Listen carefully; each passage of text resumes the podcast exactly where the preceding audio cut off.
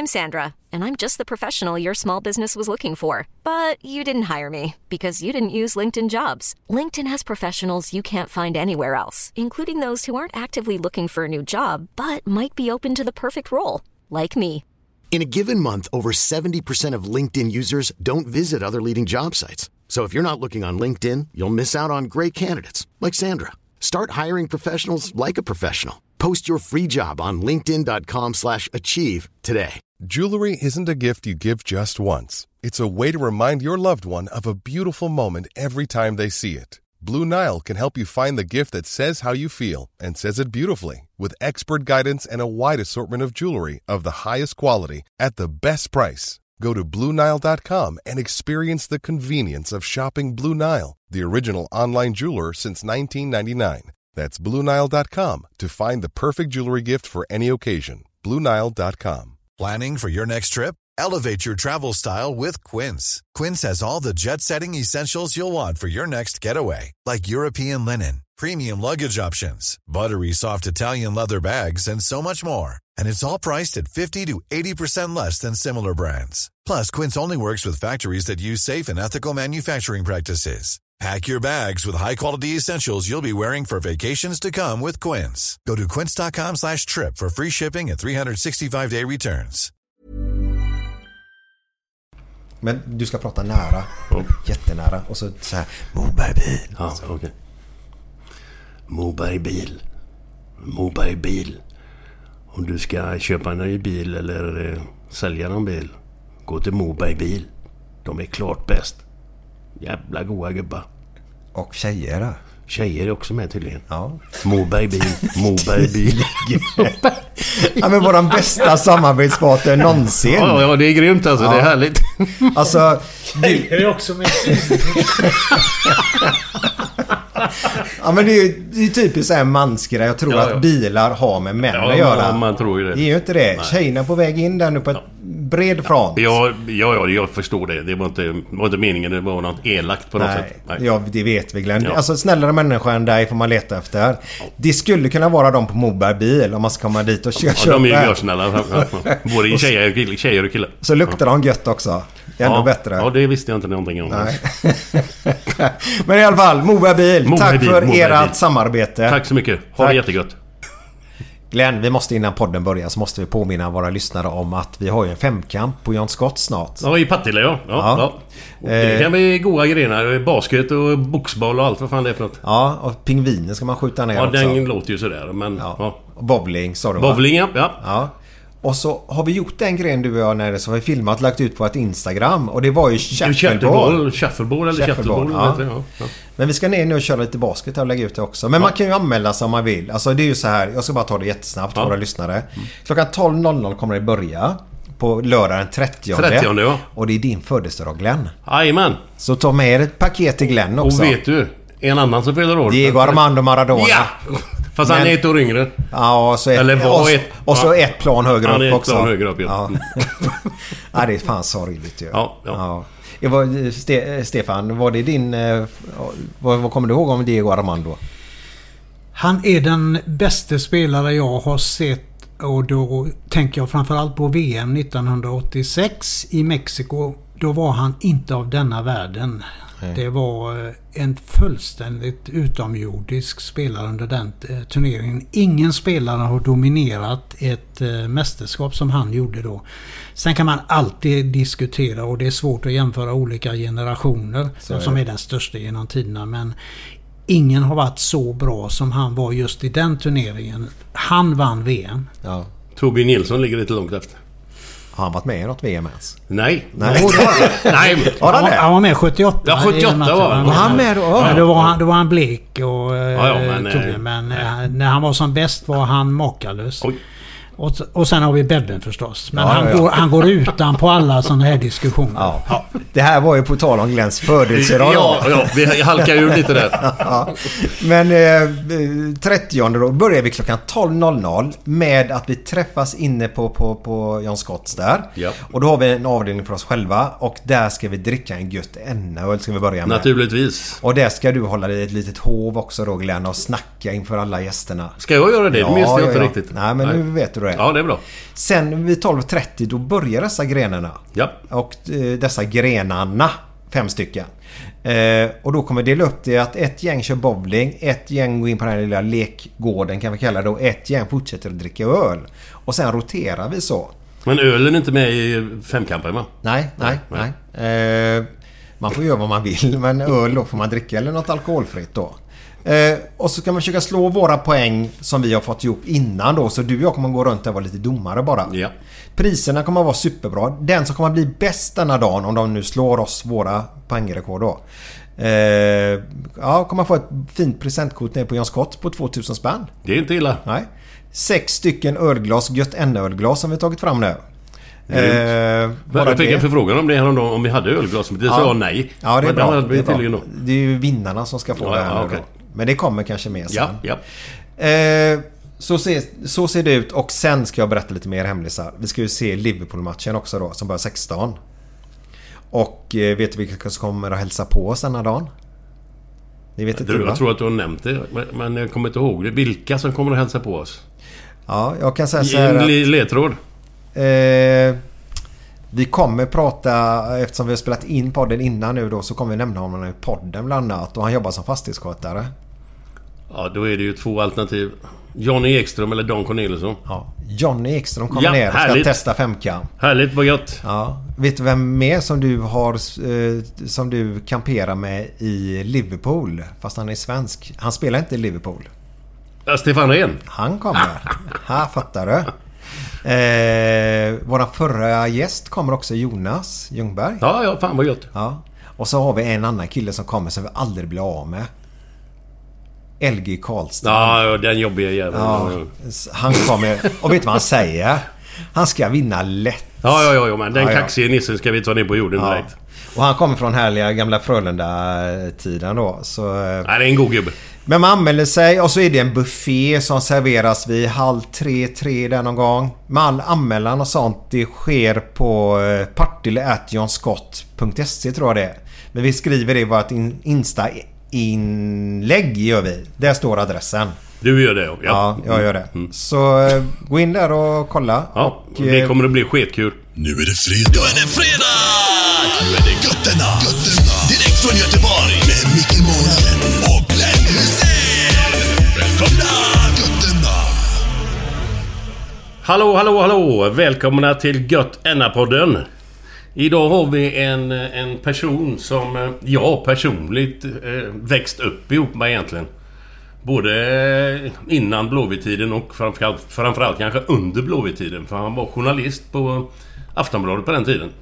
Och det är ingen mindre än eh, Stefan Thulin. Ja. Underbart att ha dig här gubbe. Tack så mycket, vilken presentation. Ja, visst var det. Ja, ja, ja. Aftonbladet. Uppvuxna ihop eh, lite grann innan Blåvitt-tiden och framförallt under Blåvitt-tiden.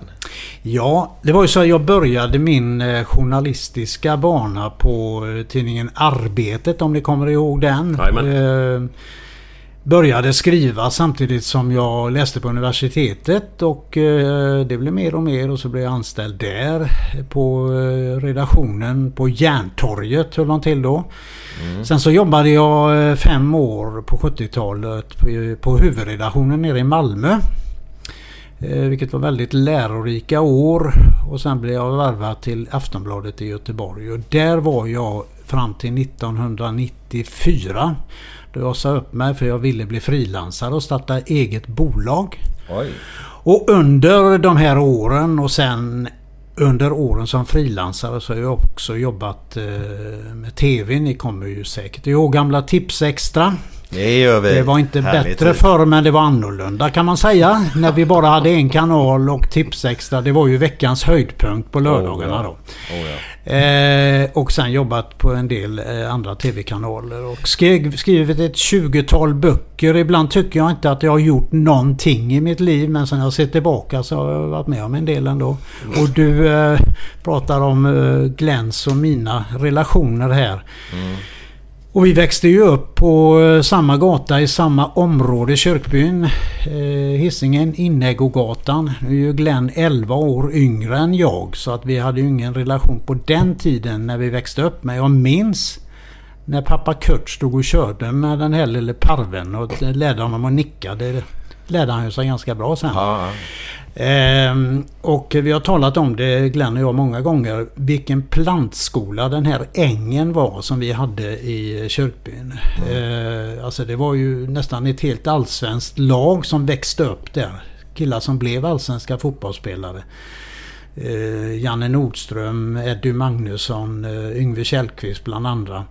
Och sen bodde en del blåvita spelare där. Framförallt eh, ikonen och som jag brukar kalla för världens största idrottsman alla kategorier genom tiderna. Oj. Bebben Johansson. Åh, Bebbe ja. Eh, Det är den enda idol jag har haft. Eh, Och han blev sen min livslånga vän. Så det var ju rätt sorgligt när han dog nu i, i maj. Eh, Och Bebben bodde i samma hus. Och jag var ju barn i huset hos dem. Och han kunde ju komma hem efter en stormatch på Ullevi mot Malmö FF inför 40 000 åskådare en söndag eftermiddag. Och eh, en timme efter han hade kommit hem så stod jag då en liten knatte och ringde på med en boll under armen och frågade om han inte ville ut, komma ut och kicka med oss pojkar. Och det gjorde han. Jag gjorde det. Gång på gång på gång på gång. Så det var ju himmelriket för oss eh, pojkar. Ja. Så att det var en fantastisk miljö att växa upp i. Ehm, Kan du fortsätta berätta lite grann om Bebben där? Ja, alltså han personifierade ju eh, det gamla Göteborg och Glenn känner ju honom också, eller kände honom eh, väl. Och eh, han var ju en alldeles unik eh, fotbollsspelare. När han var i form så ägde han ju eh, Ullevi och gamla Ullevi. Eh, när han inte var i form och inte tyckte det var skoj då såg han ut ungefär som på den där klassiska bilden du vet när han står och hänger på hörnflaggan. Ja. Lite uttråkad sådär va. Ja, okej.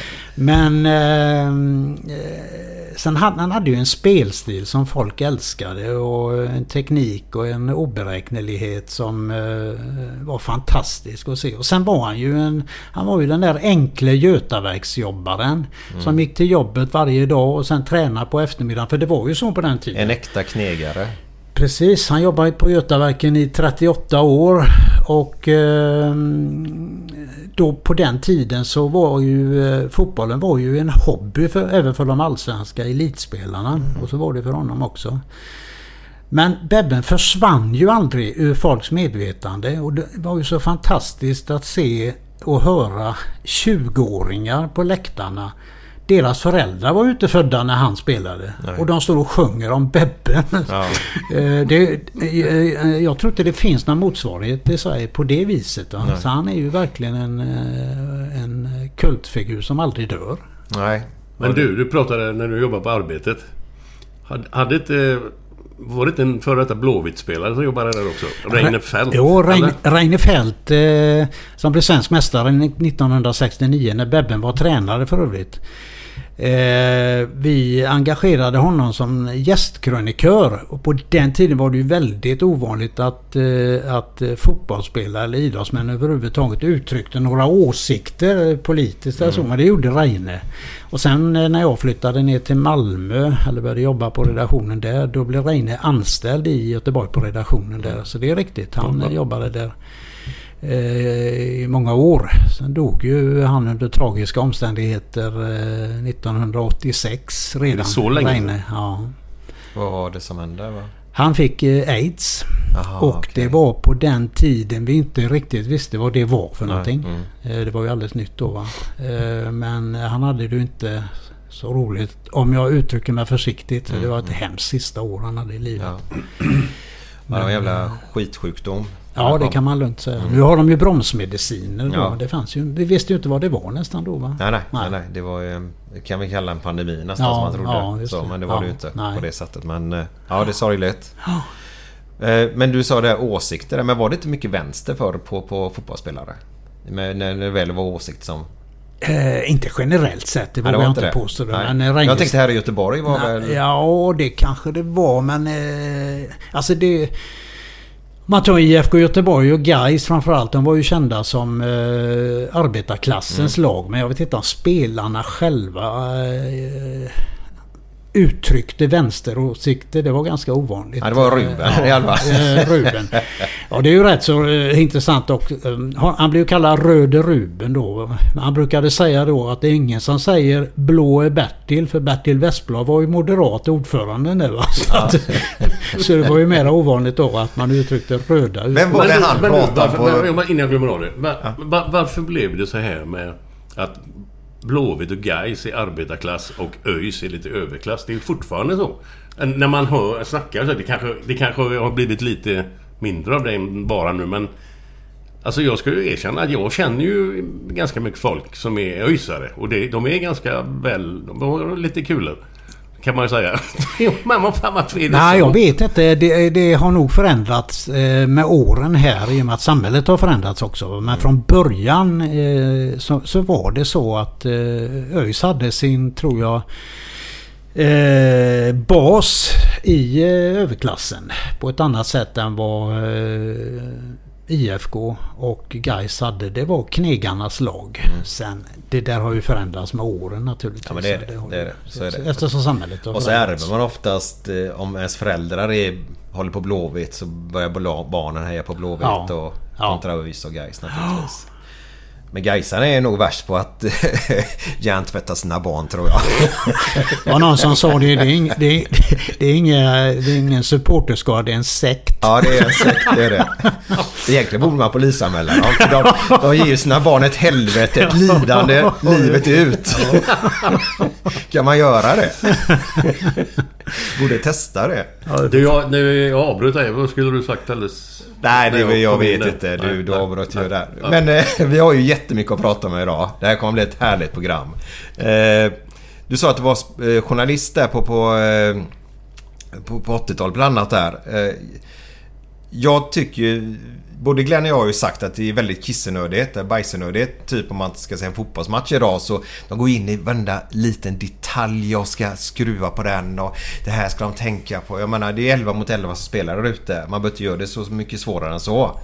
Eh, jag gillar ju förr i tiden det där när man eh, allt, eh, hela, hela eh, idrotten var ju mer öppen på den tiden. Och det fick ju väl du känna av som reporter eller? Jag brukar säga att jag är så himla glad att jag jobbade som reporter och journalist på den tiden jag gjorde det. För jag kunde då göra jobb som är fullständigt otänkbara att göra idag. Jag ska ta ett exempel. Eh, från Liverpool och det var några år innan Glenn kom dit. Eh, och då var ju Liverpool Europas bästa lag. De hade vunnit Europacupen några gånger. Bob Paisley var Europas mest framgångsrike fotbollsledare. Så skrev jag över, det var 1982, skrev ett brev. Kommer ni ihåg på den tiden man skrev brev? Ja, Antingen med kulspetspenna eller med skrivmaskin som knattrade. Ehm, till... eh, Men un, under, våra unga lyssnare undrar hur fick du iväg det till England? då? Ja, då satte man på ett frimärke på ett kuvert. Och så skickade man iväg det. Va? Och eh, då skrev jag till Liverpools eh, sekreterare Peter Robinson. Kommer Glenn ihåg? Eh, och undrade ödmjukt om jag och en fotograf eh, fick komma över och eh, kanske bara titta på någon träning. Kanske bara byta ett par ord med Bob Paisley och någon spelare. Och jag fick svar nästan med vändande post. Fanns något som hette också på den tiden. Ja. Det var Peter Robinson som skrev att ni är välkomna så ska vi försöka hjälpa er så gott vi kan. Och så åkte Peter Claesson, fotografen som Glenn känner väl, och jag ut till Anfield en eh, måndag morgon. Och det var full aktivitet där i, eh, i loungen. Och eh, vi ställde oss i ett hörn där och väldigt diskret och eh, väntade nästan på att någon vaktmästare skulle komma och eh, kasta ut oss. Så hör jag plötsligt en röst från andra våningen. Mr Thailand. Titta upp, det var Bob Paisley. Oj. Come up here son, sa han. Jaha, fick- lommade upp där och skakade hand. Och han önskade mig välkommen till Anfield och sa han vi ska ut till träningen nu sa han i minibussen. Eh, Men ni är välkomna, häng med. Så vi hoppade in där tillsammans med Kenny Dalglish, Ian Rush, hela gängen. Wow. Bruce Grobbelaar, Alan Hansen och de här. Och så satte de på Beatles-musik på högsta volym. Och så satt vi där och skrålade She Loves You, Hard Day's Night och All My Lovin' med alla de här var alltså Europas bästa fotbollsspelare. Och sen på träningen där ute så gick jag tillsammans med Bob Paisley. Ungefär som jag var hans assistent och intervjuade honom där och så sen tillbaka i bussen efter träningen och det var mera Beatles-musik. Och så sa Pace, nu går vi in på mitt eh, kontor där, sa han. Och så satt vi oss där och fortsatte intervjun och han hällde upp en- kopp te och kanske något starkare också. Jag minns inte. Men eh, eh, satt vi där och tjatade en halvtimme och så frågade han, är du nöjd nu? Ja, Kan vi ta lite bilder också? Ja visst, han gick ut. Och sen var vi med Liverpool nästan en hel vecka där. Oj. Tänk om man hade skrivit över idag till Liverpool och frågat om man fick komma. Eller till någon annan klubb också för den delen. Man hade inte ens fått något svar. Nej, nej. Så det är ett exempel på, Ja. eh, på eh, jobb som man kunde göra på den tiden. Det är ju, ja. Ja, förlåt. Och jag menar Kamratgården, det var ju öppet hus. Och då var, då var ni bäst nästan i Europa, eller ett av Europas bästa lag. Då var det öppet hus. Idag när de eh, kanske ramlar ur allsvenskan, vi hoppas inte det, men risken finns ju. Då är det hermetiskt stängt där uppe. Eh, så det, alltså det är en annan tid, en annan värld. Och jag är glad att jag jobbar i den tiden och den världen som fanns då. Det, det som är... Jag älskar att höra den här. Tack snälla. Eh, samtidigt så idag är det ju massa reportrar också. Det var inte lika tryck på, på gubbarna på den tiden va? Eller? Ja, nog var det mycket reportrar Ja, ja, uppe ja, där när ja, Glenn var där. ja, Men okej, det fanns inte sociala medier. Nej, det fanns ju nej, inte. nej. Men visst var det tryck där uppe. Det vimlar ju av folk där uppe i era träningar. Men, Men det Liverpool måste jag fråga bara innan jag glömmer det. Var ni ute med dem efteråt på puben också? eh, nej, inte då. Det var jag sen när Glenn var där uppe. Då hängde jag med på några pubsvängar där med, med gubbarna. Men det var ju öppet hus. Då, då var jag ju Glenns kompis. Så att det, då var jag ju accepterad eh, hos dem där. Men nej, det, det var vi ju inte då. Men annars var det ju väldigt öppet. Och Bob Paisley var ju en underbar eh, tomtenisse. Vad hade han för gubbar som... För han var ju manager då. Det- var väl samma typ av... Som det var när Daglish var manager. Så hade han två tränare bredvid sig.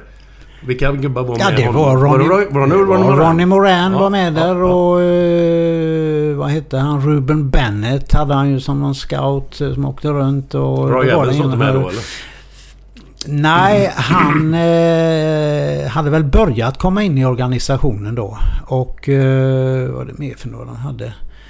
Eh, ja, det var flera den generationens ledare. Så de var ju ett järngäng där som eh, höll ihop. Ko- Kommer du ihåg hur, eh, hur träningen såg ut då på den tiden? Det var ungefär som när du var där. Alltså de kom dit, det var uppvärmning, starter eh, och, sen, och sen var det tvåmålsspel.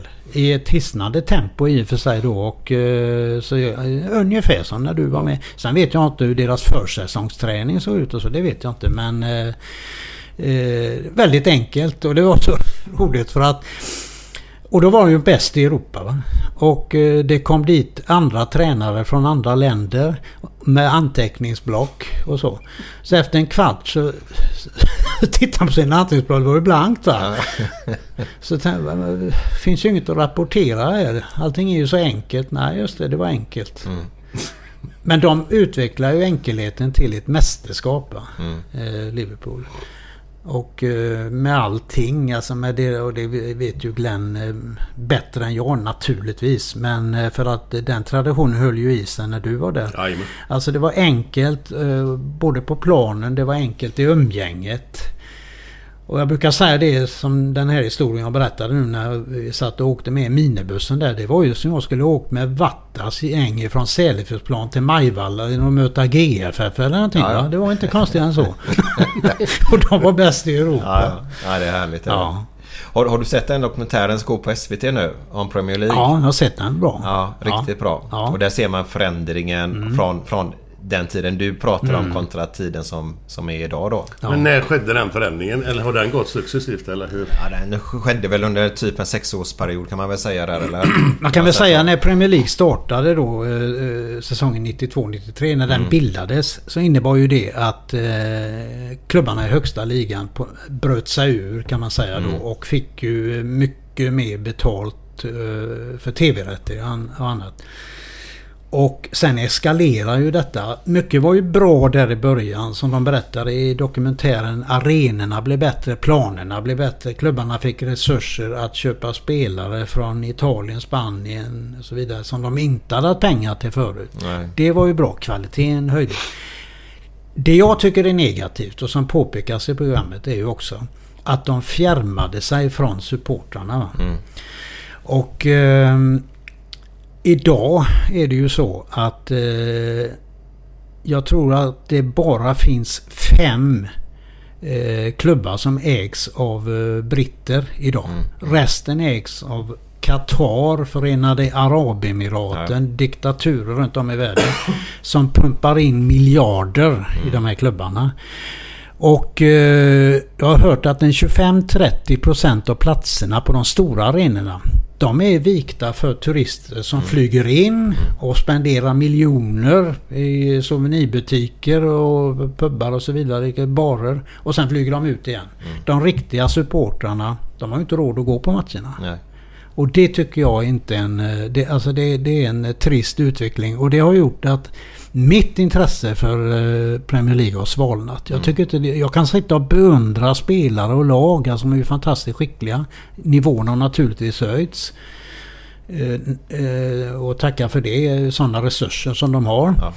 Eh, men jag känner inte den där, det där hjärtat längre och passionen för det. Nej, det finns ju vissa engelska lag, de har inte ens en engelsman med i startelvan. Nej, och det är så det ser ut nu. Ja. Och det är ju... eh, Och runt om i Europa. Det är, det är en liknande utveckling. Och det här försöket att bryta sig lopp och skapa en europeisk superliga. Det kommer de att göra förr eller senare. För Alltså eh, Manchesterklubbarna och, och Juventus, Barcelona då.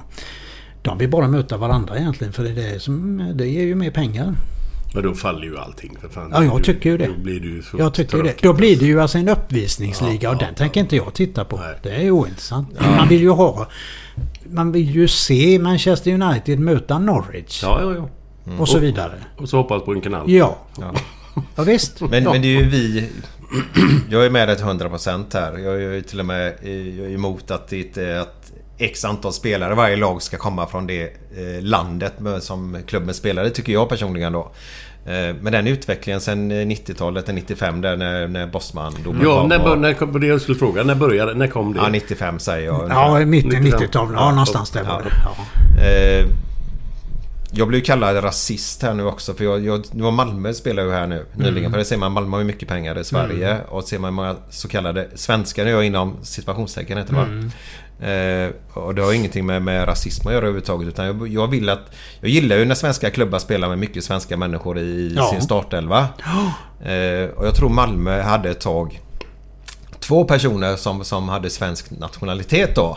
Eh, sen var det visst, fick jag ju reda på efteråt och fick mycket skit för det. Att eh, tydligen en eller två killar de hade dubbel nationalitet. Okej. Men när jag gick in på Aftonbladet och kollade så ser man ju den flaggan. Ja. Om de till Bosnien eller Sverige då. Ja. Eh, och så tyckte jag att det var skittråkigt. Jag gillade inte den utvecklingen. Eh, och då fick jag bli kallad, eller är du rasist var det någon som skrev då. Men Ja, det, det har, ju- det, ingenting, det. ja, det har ju ingenting med rasism att göra överhuvudtaget. Nej, utan- det, jag, är håller, jag håller med dig om Ja. det. Och det. Nej, det har ingenting med det. rasism att göra. Nej. Utan det handlar ju om att eh, eh, i alla länder att man ska främja eh, utvecklingen av egna spelare.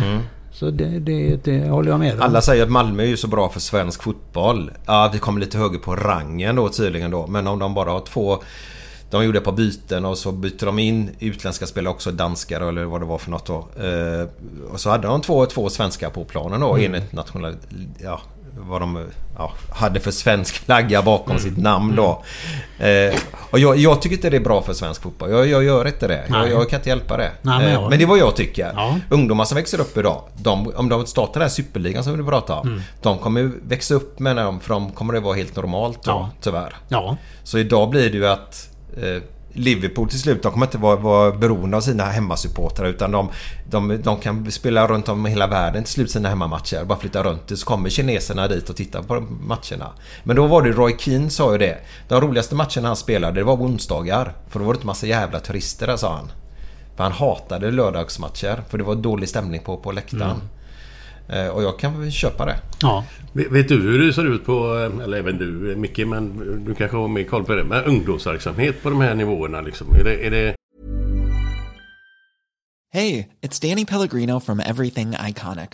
Ready to upgrade your style game without blowing your budget? Check out Quince. They've got all the good stuff shirts and polos, activewear, and fine leather goods, all at 50 to 80% less than other high end brands. And the best part? They're all about safe, ethical, and responsible manufacturing. Get that luxury vibe without the luxury price tag. Hit up quince.com slash upgrade for free shipping and 365 day returns on your next order. That's quince.com slash upgrade. There's never been a faster or easier way to start your weight loss journey than with PlushCare. PlushCare accepts most insurance plans and gives you online access to board-certified physicians who can prescribe FDA-approved weight loss medications like Wigovi and Zepbound for those who qualify. Take charge of your health and speak with a board-certified physician about a weight loss plan that's right for you. Get started today at plushcare.com slash weight loss. That's plushcare.com slash weight loss. plushcare.com slash weight loss. Ever catch yourself eating the same flavorless dinner three days in a row? Dreaming of something better? Well, HelloFresh is your guilt-free dream come true, baby. It's me, Gigi Palmer. Let's wake up those taste buds with hot, juicy pecan-crusted chicken or garlic butter shrimp scampi. Mm. Hello Fresh. Stop dreaming of all the delicious possibilities and dig in at HelloFresh.com. Let's get this dinner party started.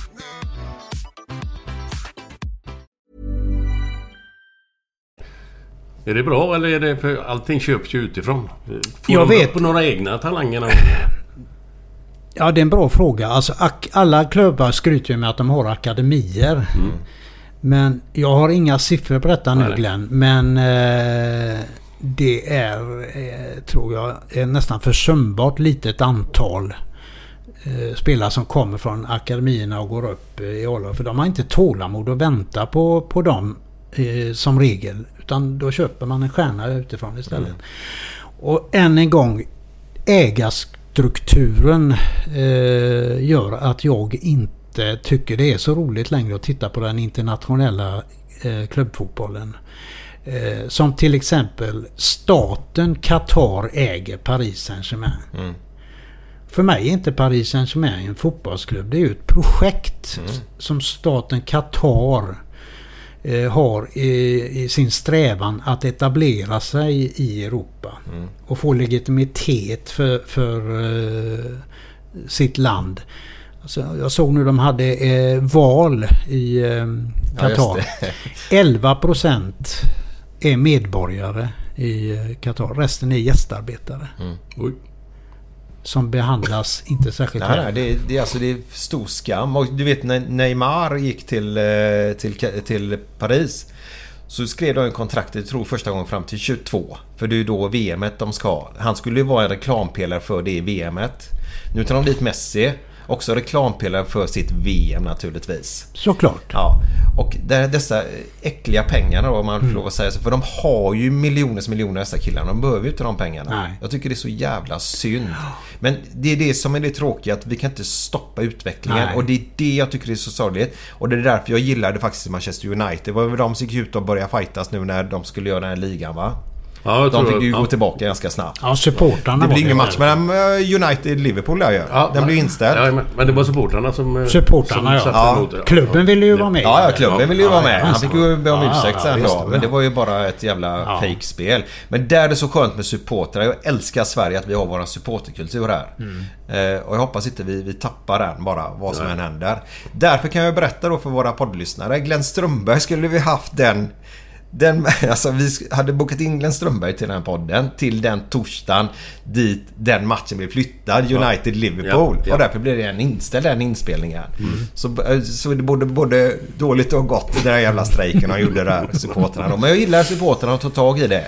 Knegan står upp mot kapitalet lite grann. Nu lät jag som en proletär här nu, men du fattar vad jag menar. Sen är det ju lite ändå betänksamt då eh, när eh, Messi gick till eh, Paris Saint-Germain nu. Så tänker man att eh, ska fruktansvärda summor de, det handlar om med hans lön och övergångssumman och så vidare. Sen sålde de tröjor för en miljard. Ja, ja.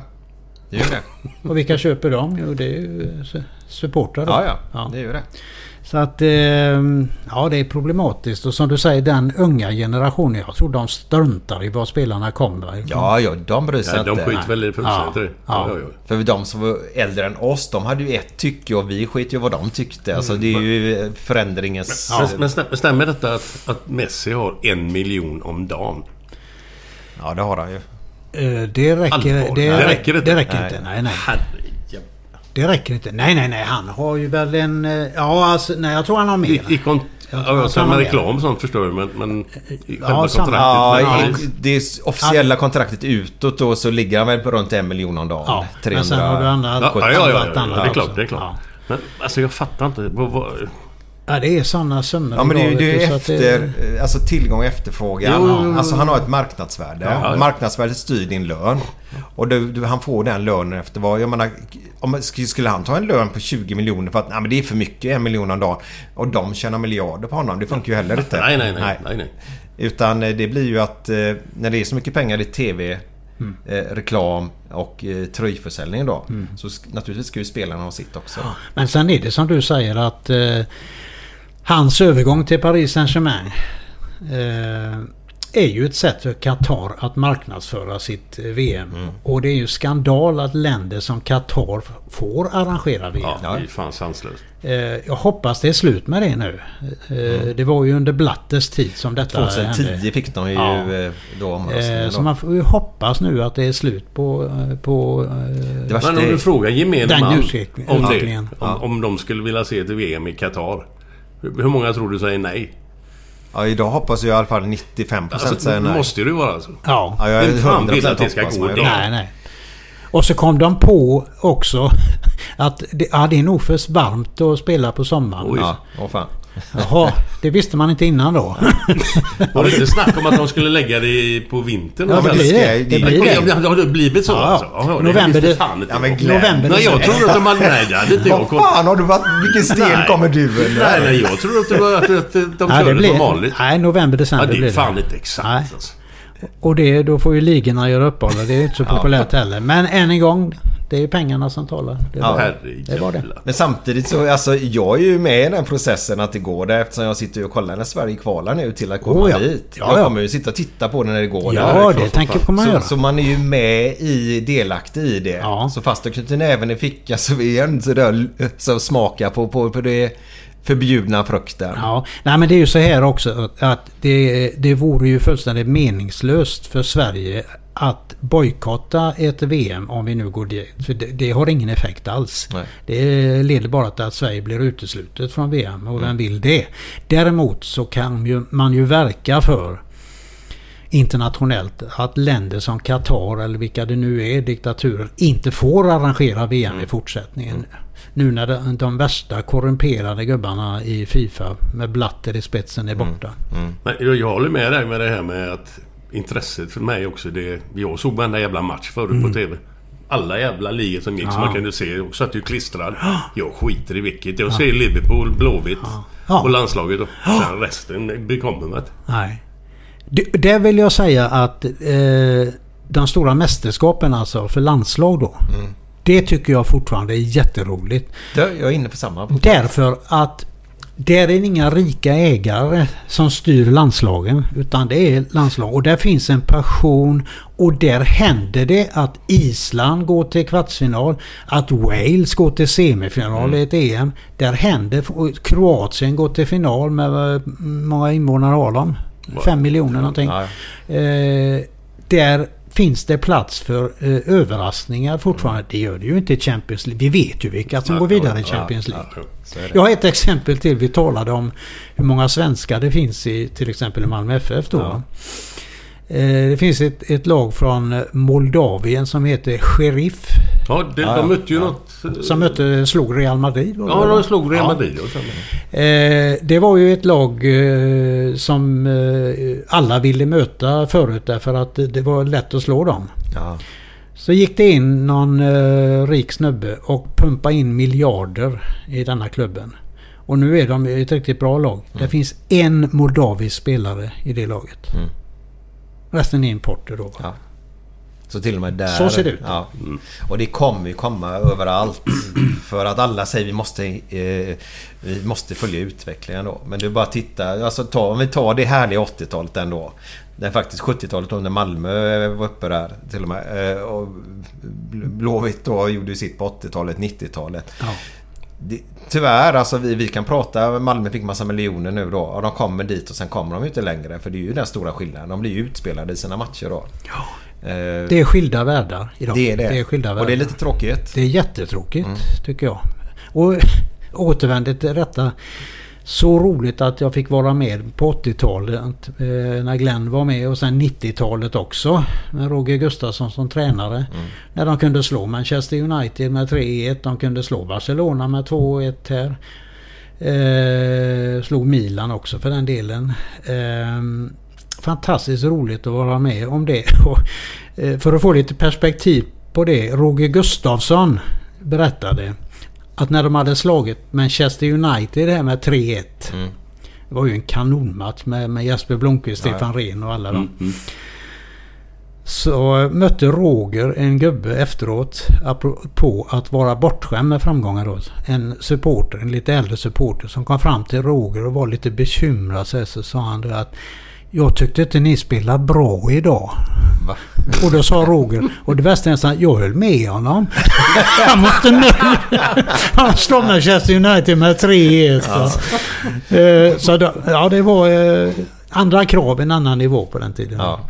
Ja, det är härligt. Eh, var, var de inte i kvartsfinal mot Bayern München där? eh, Jo, det var, det var det året de hade... Det, det, var, det var ju så fantastiskt. Borta, eller fan var det, eller? Nej, det var ju så fantastiskt. För det första gruppspelet. Då hade de alltså Barcelona, Manchester United och Galatasaray.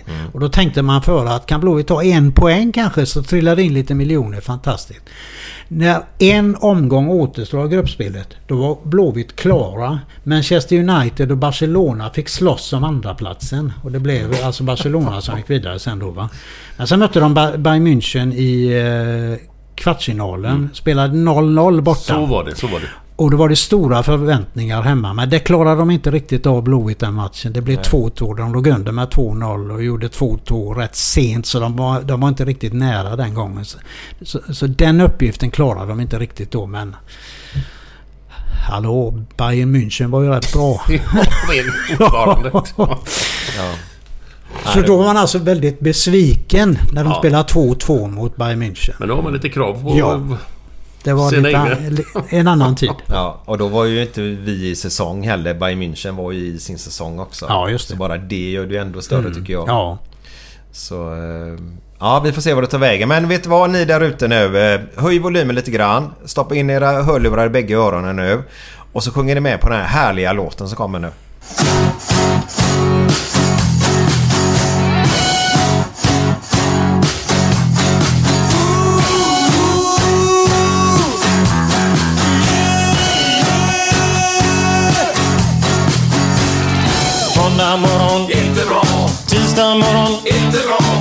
Onsdag morgon, inte bra. torsdag morgon, Det är inte bra, fredag morgon, lite bra, fredag lunch, mycket bra. fredag eftermiddag. Underbart! After work med karaoke. Man får en öl och pyttipanna. Fredag kväll och livet leker. Man kan inte säga annat än att jag har det gött nu!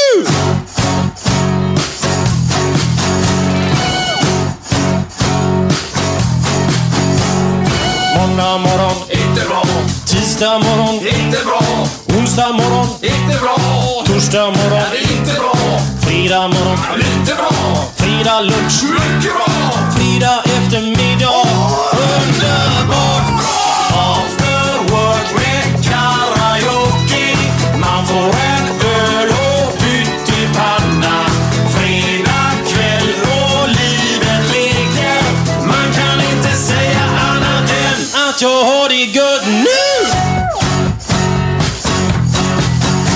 Ja, där hade vi den underbara låten med eh, Björn Rosenström, After Work. Ja. Den kan man lyssna på hur mycket som helst. Stefan pratar om poesi här till och med. Ja, han var riktigt rörd. Ja, Han nästan ja. satt och grät. Men det, det handlar nog om pyttipanna där tror jag. Ja, det gillar han tror jag. Tror- tror- Jag har för mig att du har sagt det någon gång, att du älskar pyttipanna. Eller är det någonting jag har fått för mig bara? Ja, det är gott med pyttipanna. Det är inte så att jag äter det eh, varje vecka. Men eh, sen finns det ju en koppling till Blåvitt där också. Ja. Det är ju tradition med guldpytt. Års åts ju på, eh, på Kamratgården eh, rätt ofta förr i tiden. Nu äter man ingen guldpytt. Den kanske äter pyttipanna ändå. Men, eh, men eh, så det fanns ju en eh, tradition att äta pyttipanna på guldfesten. Den, den finns ju kvar så sett. Vi hoppas vi får uppleva den snart också inom en framtid i alla fall. Ja, det kan ju säga det blir ju inte i år. Nej, det blir det inte. Men eh, någon gång ska det väl bli igen. Ja. Ja. Men vad, vad, du följer Blåvitt bra eller? Inte så mycket som jag gjorde förr men eh, jag har sett eh, en del matcher både på tv och sett på Ullevi och Gamla Ullevi. Och ehm, det är många som säger så här att eh, det är konstigt att Blåvitt eh, ligger där de ligger för de har så många bra spelare. Då måste jag ställa en motfråga. Har de så många bra spelare? Jag tycker inte det. Då Jag tycker det är för dåliga spelare. De har enligt min uppfattning en klassspelare, riktig klassspelare. Det är Marcus Berg som fortfarande är jättebra. Men eh, det är för många som inte räcker till. Och eh, resultaten talar ju tydligt för, för sig. Jag var såg... Eh, det var mot Kalmar senast ja. Eh, och jag tänkte så här. Jag trodde botten var nådd. Men det fanns ett hål i botten. Mm, ganska stort hål. Ja, när jag såg den matchen. För det var bedrövligt. Och det är bara att hoppas att, eh, att de tar sig samman nu och slår Örebro på Ja. söndag. För annars så ser det väldigt illa ut. Mm. Ja, det är, det är en liten eh, vattendelare den här matchen Det, det, kan det säga. kan ju inte bara vara så att det är tränarens fel hela tiden. Du kan ju inte hålla på och sparka tränare hela tiden. Nej.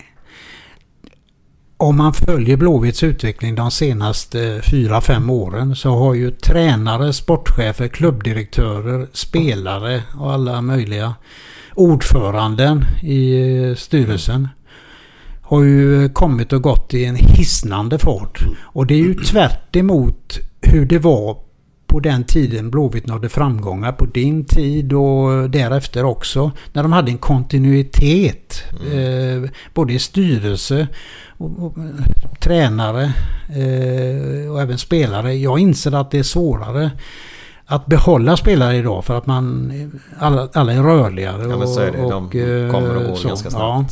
Men Blåvitt har tappat, tycker jag, sina rötter, sin själ, eh, sitt sätt att arbeta eh, under de senaste åren. Och resultaten ser vi nu. Mm. Du, en, en, en från den ena till andra. Kommer du ihåg Kalle? Materialförvaltaren? Oh ja. Jag bara kommer att tänka på honom Ja. när vi snackar om gamla tid. Han kunde blanda ihop Gatorade ibland, det hörde jag. Sportdrycken. Ja, ja, ja. Sen blev lite stark. Får man lov att höra lite? Jag tror vi har tagit här förut. Men, Ja, eh, men inte det den- var någon försäsongsmatch vi spelade på Vallala, konstgräset där. Och så i, i halvtid så hade han hällt upp en massa eh, Gatorade då, gul sån där sportdryck. Gatorade måste vi Gatorade. förklara för dem. De, Sportdryck, det är en alltså, sorts ja. sportdryck Sportdryck, jag vet inte vad det heter idag. Det fanns nästan bara den på den Det tiden. finns det Ja, något ja. sånt liknande idag också. Ja. Men han hade i alla fall hällt upp en jävla massa sådana till gubbarna som skulle ta i halvtid. Men så hade han ju... Han var ju halvalkoholiserad. Mm. Så han hällde ju upp en, fick 50-50 med gin. Och så visste han inte riktigt var han hade ställt den. Och det var ju bara en massa sådana... så en kille som kom från Jonsered, Rein Albo. Mittback som jag spelade ihop med i början där. Han kom upp på, i halvtid och svepte han den här, det här, den här muggen med Gatorade. Och så bara skrek rätt ut. Kalle för helvete! Håll ordning på dina jävla drinkar! Då fick han en, en gin och, och Gatorade i halvtid. Han kom ut halvfull i, till andra halvlek. Jo då, Kalle kommer jag ihåg. Ja, fy fan vilken underbar gubbe. Ska härliga minnen. Ja, herregud. Det är massor av minnen. Och det var... eh,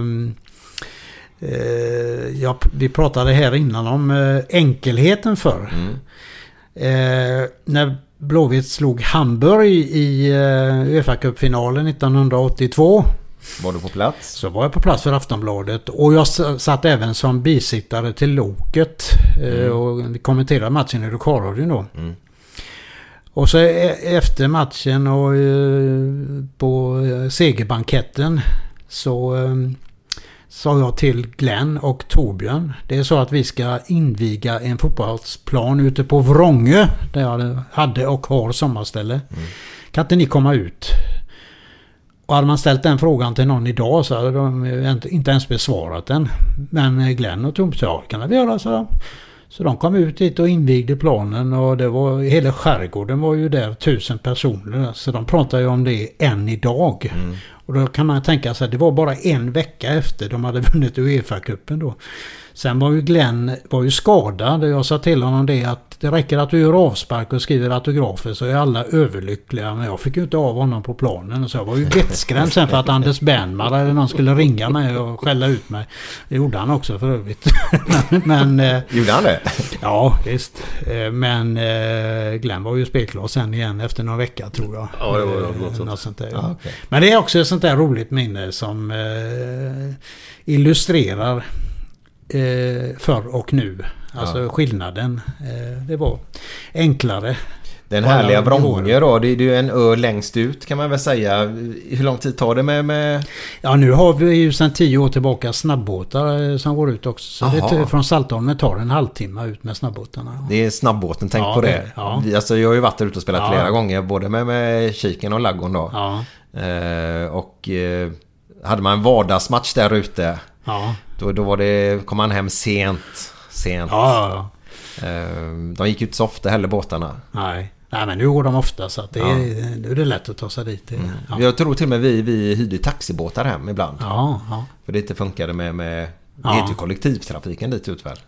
Det, jo, det är det. Alltså, det, det är ja. kollektivtrafik, Ja. ja. Ja. Så, men det var en härlig plan i alla fall. Jag, jag gillar den. Den ligger gött. Nej, det är jättefin. Ja. Ja. Det är det. Så den var Glenn med och invigde 1982.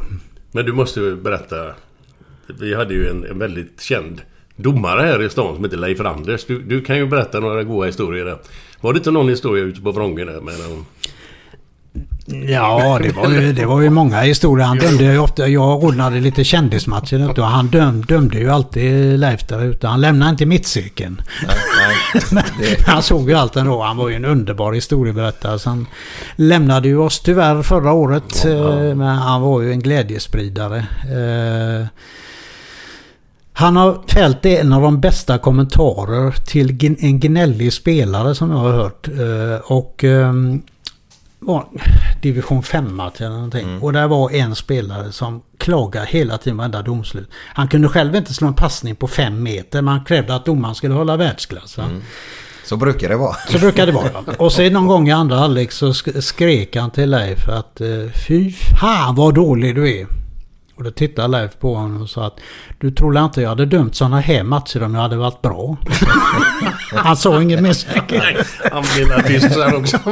Ja, det, är det, du får ju den domaren du förtjänar. Ja, nej, men han var underbar. Han var underbar Leif. Eh, Men eh, du tänkte på någon historia när ni åkte hem från de matcherna? Nej men det var någon historia när, när, när det regnade och höll på som fan där ute svinkallt och de, och Ja, de ja, dömde någon match. Ja. Du kan den bättre än mig tror jag. Ja, du hade, ja, just det. Det var regnigt och jäkligt. Det var en, eh, i Skärgårdscupen. Och, eh, men så hade Leif, han hade ju med sig lite starkt i, eh, i- ja, i väskan med sig ut också. Tronken som vi sa på den tiden. ja. Så att de tog ju sig en kaffehalv eh, före matchen. Eh, domartrion. Och det var inga problem. De klarade matchen och sådär. Så var det halvtid och det var kallt och så här. Vi tar oss en till, så Leif. Och hällde upp. Och de tog både en och två. Eh, och gick ut och dömde andra halvlek också. Och det gick bra och sådär. Men så upptäckte Leif att han hade glömt sin klocka i omklädningsrummet. Så han skrek ut till eh, linjeman.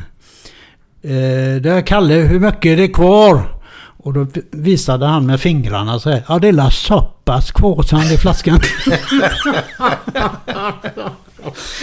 Han dömde oss i, bara ta en timme leverans som är helt sant. Vi spelade i Skärgårdscupen 1981 och vann den. eh, Vilket var sensationellt då för att eh, Öckerö och det Hälsingland... var även norra med. Jajamän. Så Lilla Vrånge då från division 7 vann den. Så mötte vi Donsö i semifinal och vi gjorde 4-3 när det var alltså en halv minut kvar någonting och gick till final då. Och då säger Leif till mig efteråt att hade ni inte gjort det målet så, han, så hade jag hittat en straff åt er. för jag skulle med båten, jag har inte tid med förlängning. sa han. Ja, men det är ju detta, de jävla båtarna. Ja, jag hade hitt, hittat en straff. Det var typiskt Leif. Ja, Men där måste jag ju fråga eftersom som du är från Vrånge eller har sommarhus på Vrånge där. Eh, vilket var, för jag vet, ja, Styrsö, Donsö har vi fattat, det var lite hatmatcher va? Vilken Ja. var eran hatmatch? Ja, nej, det, ja, hat och hat. Men rivaliteten var ju störst med Donsö. Ja, det var så. Ja, Ja. det var det. Eh, grannöarna där. Och Ja. det, eh, så var det. Det är väl inte så utpräglat idag. Det har ju förändrats det också. Ja, det det. Men på den tiden var det ju så. Eh, så nej, jag spelade ju med Vrånge på eh, ålderns höst där. Men annars var ju Varta min klubb. Precis som Glenn. Fast... Eh, Eh, skiljer 11 år mellan oss men eh, jag började där som 13-åring och sen gick då hela vägen från eh, knattelag upp till eh, A-laget. Jag gjorde väl inga beständiga avtryck i Vartas historia direkt som spelare men jag var dock med några år och spelade i division 3 och division 4. Vilket var jättestort för mig. Jag brukar säga att jag var lovande och jag förblev lovande. Det Det stannade där. Det, Men där du- är många varit. Jag kan ju säga till dig utan att, att, eh, att om man snackar om Stefan Thulin så tänker man på Varta. Ja, det har Absolut. blivit så. Ja. Det är det första man tänker på. Jag har varit med där i 50, jag är med i Aalborgsgängen fortfarande och eh, sen träffas och spelar lite boll och så. Så det är jätteroligt att ha kontakter med, med klubben. Är det alltså du är med och spelar? Ja, nu under pandemin så har jag gjort ett eh, uppehåll och eh, jag ska vara, vara med och spela imorgon. Vi spelar varje fredag. Jag, eh, det är två gubbar som är äldre än jag. Sen vi har inte sagt din ålder nämligen i podden, kommer jag att tänka Ja, på nu. 73. för några 73, veckor sedan. tänk dig själva ni som lyssnar nu. 73 år, ska ut spela fotboll imorgon. Fan vad härligt. Det är härligt, men jag sa till en gammal GP-journalist att jag gör inte så många djupledslöpningar nu, så. Har du gjort det någon Då- gång då? Då tittade han på mig och sa det att det hade varit jädrigt konstigt om du skulle börja med det nu. Där, vänta nu. Då måste jag be dig dra en annan liten story som jag fick höra lite grann här förut. eh, Med Johnny Ekström. Har du lust att ta den? Ja, jag, jag var speaker på uh, uh, Oröst för några år sedan. Det var en liten klubb där som uh, firade jubileum och uh, då mötte de ett Aalborgslag från Blåvitt. Uh, den äldste i det Blåvita laget som spelade den dagen det var Ruben Svensson som Glenn känner någorlunda. Eh, och han ser ungefär likadan ut som han gjorde på 70-talet. Eh, något smalare nu kanske till och med. Och sen var det lite blandat. Eh, men Johnny Ekström var med i den matchen. Och hade opererat höften något år tidigare.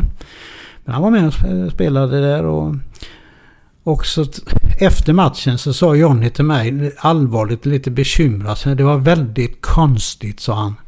Eh, för att jag fick en långboll att springa på och de backarna han mötte var ju 30 år yngre då. Jo, jag fick en långboll att springa på och jag sprang sa han. Och jag kom inte först. och jag kan inte fatta det. Så. Ja, Johnny är alltså en härlig människa han Ja, är. fantastisk. Han, det måste jag berätta. När eh, Blåvitt slog Barcelona med eh, 3-0. När Glenn var med 1986. 3-0 hemma. Och eh, Torbjörn gjorde två mål. Tommy Holmgren ett. Och Jonny gjorde en kanonmatch där.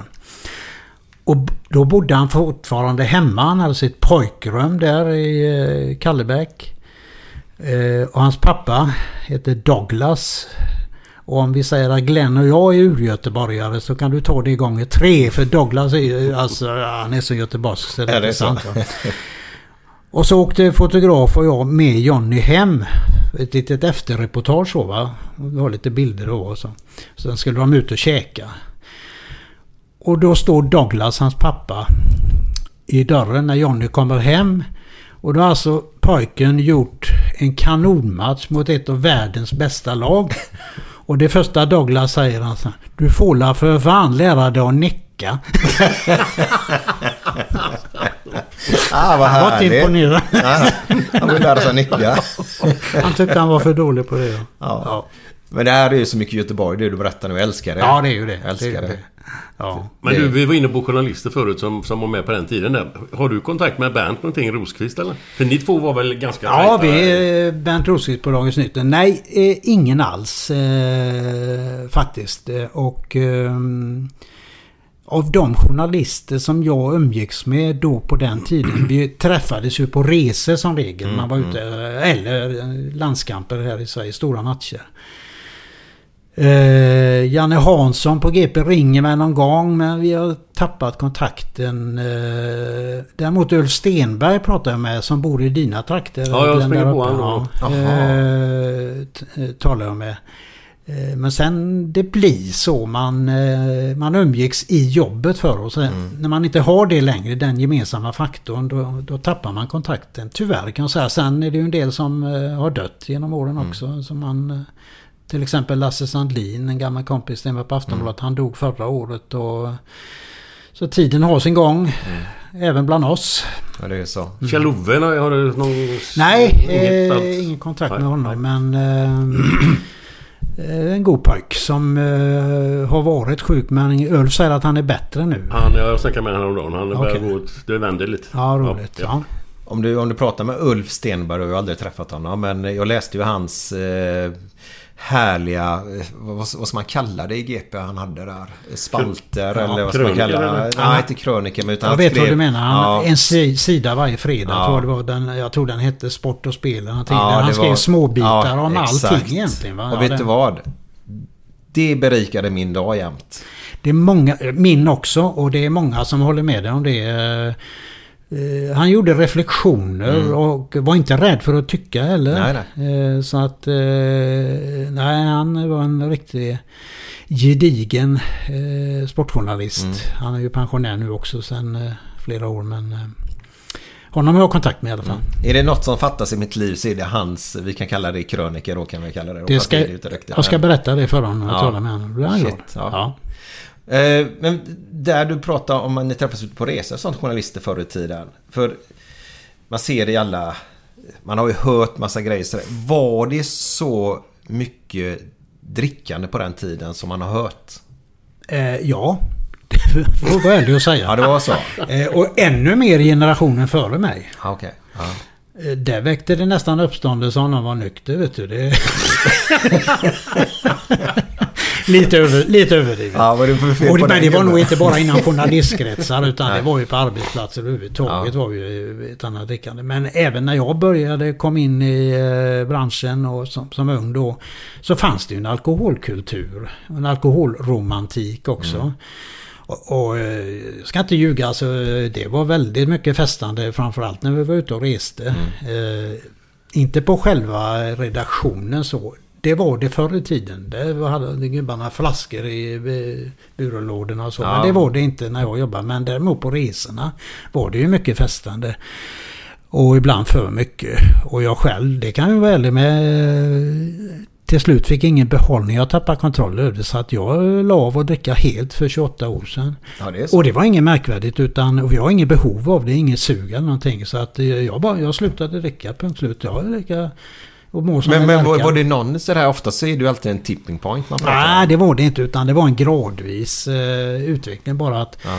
jag, hade ingen, jag hade ingen rolighet när jag drack Nej. heller utan jag fick bara ångest. Ja, just det. Ja. Och om jag då inte har något behov av att dricka och inte har roligt när jag dricker, varför ska jag göra det då? Det är ju väldigt bra Och, då, fråga. så att, och det, det är ingen prestation, det är ingen dramatik kring det. Jag beundrar sådana människor som har ett jäkla sug efter alkohol och som får kämpa med det varje dag och klara det. Det är en prestation. Mm. Jag bara låter bli att dricka. Det är ingenting. Det är konstigt med det. Men du ska ju veta att det är ju ingenting som vi märkte av alltså i samband med matcher och så. Efter matcher.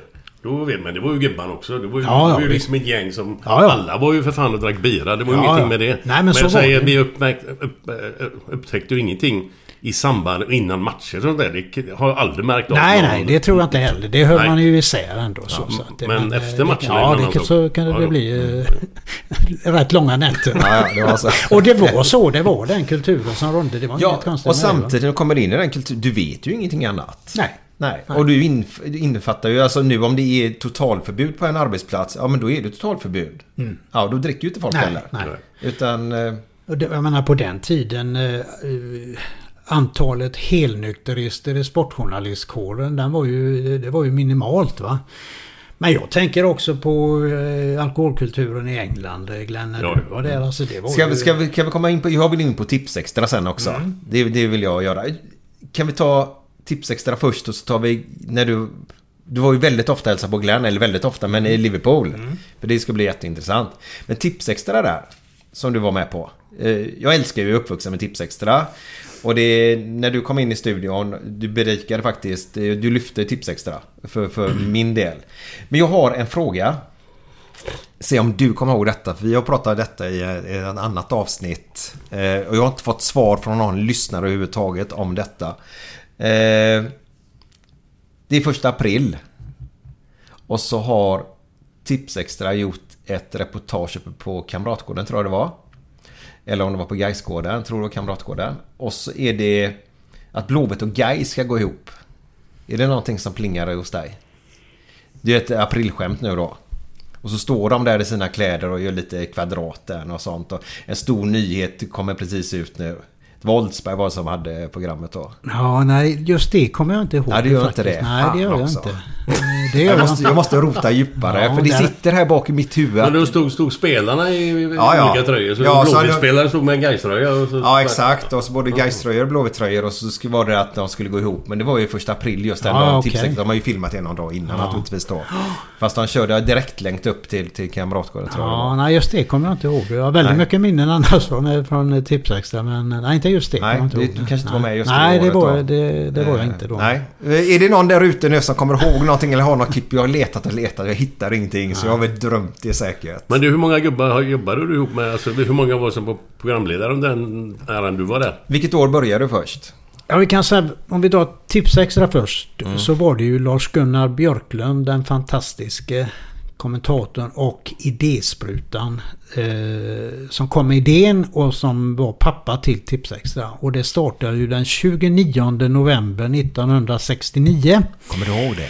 Eh, Wolverhampton mot Sunderland. 1-0 till Wolverhampton. Hugh Curran nickade in eh, segermålet som ni naturligtvis känner till.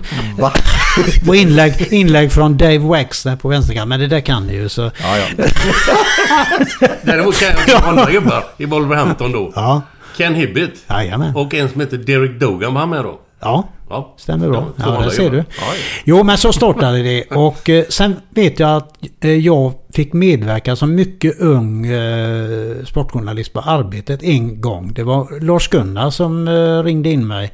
För jag hade varit över i Manchester och gjort något reportage om Manchester United. Som han hade läst då. Så ville han att jag skulle komma och berätta om det. Det var jättestort för en 20-årig pojke att få, som jag då får vara med i Tipsextra. Men det var en engångsföreteelse. Sen eh, jobbade jag eh, med eh, Ingvar, Fredrik Belfrage, Lars-Gunnar vid något tillfälle, Leif Larsson. För det var så under en period så delade de på programledarskapet. Så att eh, ena eh, veckan var det Leif Larsson, andra Ingvar och så vidare. Och så vidare?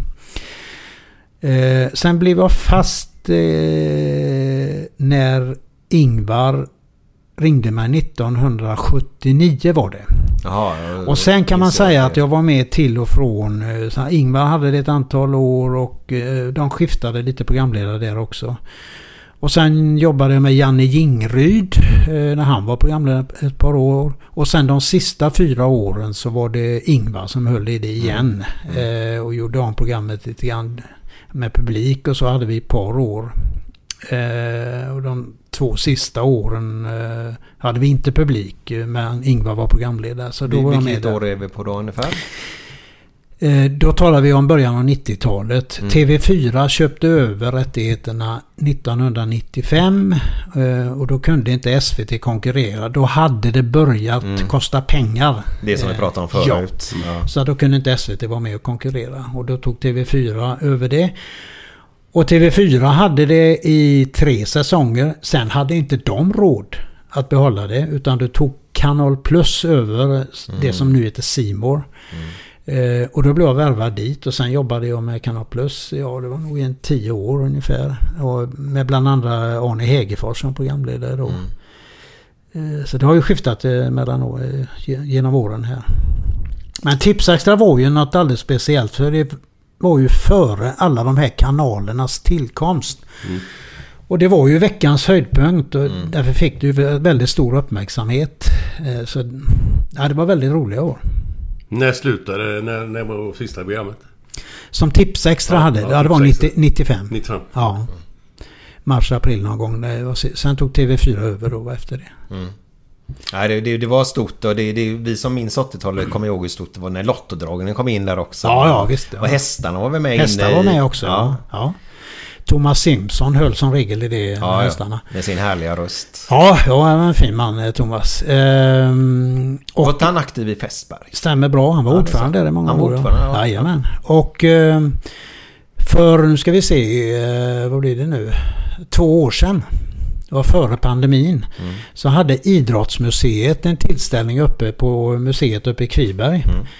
Med anledning av att det då var 50 år sedan Tipsextra startade. Ja, det. Ja. Och då hade de dragit samman några av oss som var med där. Eh, Janne Jingryd, eh, Leif Larsson som ju var med hela vägen. Eh, och eh, Thomas Simpson var med och så var det eh, några andra som inte var med i rutan men som jobbade med programmet. Eh, producent och så vidare. Och, eh, så det var väldigt roligt. Det var mycket minnen och nostalgi och historier. Och, och jag berättade bland annat om, eh, det var sista säsongen så bjöd vi in gamla Tipsextra-hjältar. Jag kommer att tänka på det när du nämnde Ken Hibbit. Ja. Så bjöd vi in dem från England till eh, studion. Och visade massa gamla bilder och intervjuade dem och pratade och massa nostalgi. Ken Hibbit var en av dem. Eh, Charlie George, gamla Arsenal-hjälten, kom över också. Och Billy Bremner. Och Billy Bremner minns ju min generation eh, som den där ilskne terriern på mittfältet som alltid var arg. Eh, I Leeds eh, spelade han ju och skotska landslaget. Eh, jättebra spelare. Rödhårig säkert. Rödhårig var Ja, han och... eh, Han var ju arg. Ja, var. Frenetisk sådär alltid. Eh, sprang eh, oavbrutet i matcherna. När han kom över nu med sin fru. Alltså en av de trevligaste människor jag har träffat. Och så du vet artig och noggrann. Lärde sig namnet på alla han träffade i, i Oj. studion där. Och bjöd på sig själv, berättade historier, rolig. Och så efteråt så gick han runt och tackade alla noga med att ska tacka kameramän. Han kom ihåg namnen på alla så. Innan vi skildes då alltså. Och han berättade en del historier som var för roliga. Eh, han berättade bland annat om eh, Jackie Charlton. De spelar ju ihop. Eh, Jackie Charlton som var den stora innebacken när England vann VM 1966. Sen var väl han coach för dem va? 94 va? Eh, Irland. Irland var han eh, förbundskapten för. eh, Med, framgång dessutom. Eh, och tydligen väldigt rolig. Ja, Han försörjde sig sen som middagstalare. Det är ju många i England som har Jajamän, gjort det på senare år också. Som eh, har talets gåvor. Och som kan berätta historier. Och eh, Bremner berättade de... Eh, hela det gamla elitslaget som ju var ett av de bästa lagen i Europa på 60-70-talet då. De hade kallat samman dem någon gång på 90-talet till en studio, till en talkshow i engelsk TV. Och då hörde till saken att Leeds då på 90-talet var ju nere i andra divisionen och var riktigt dåliga.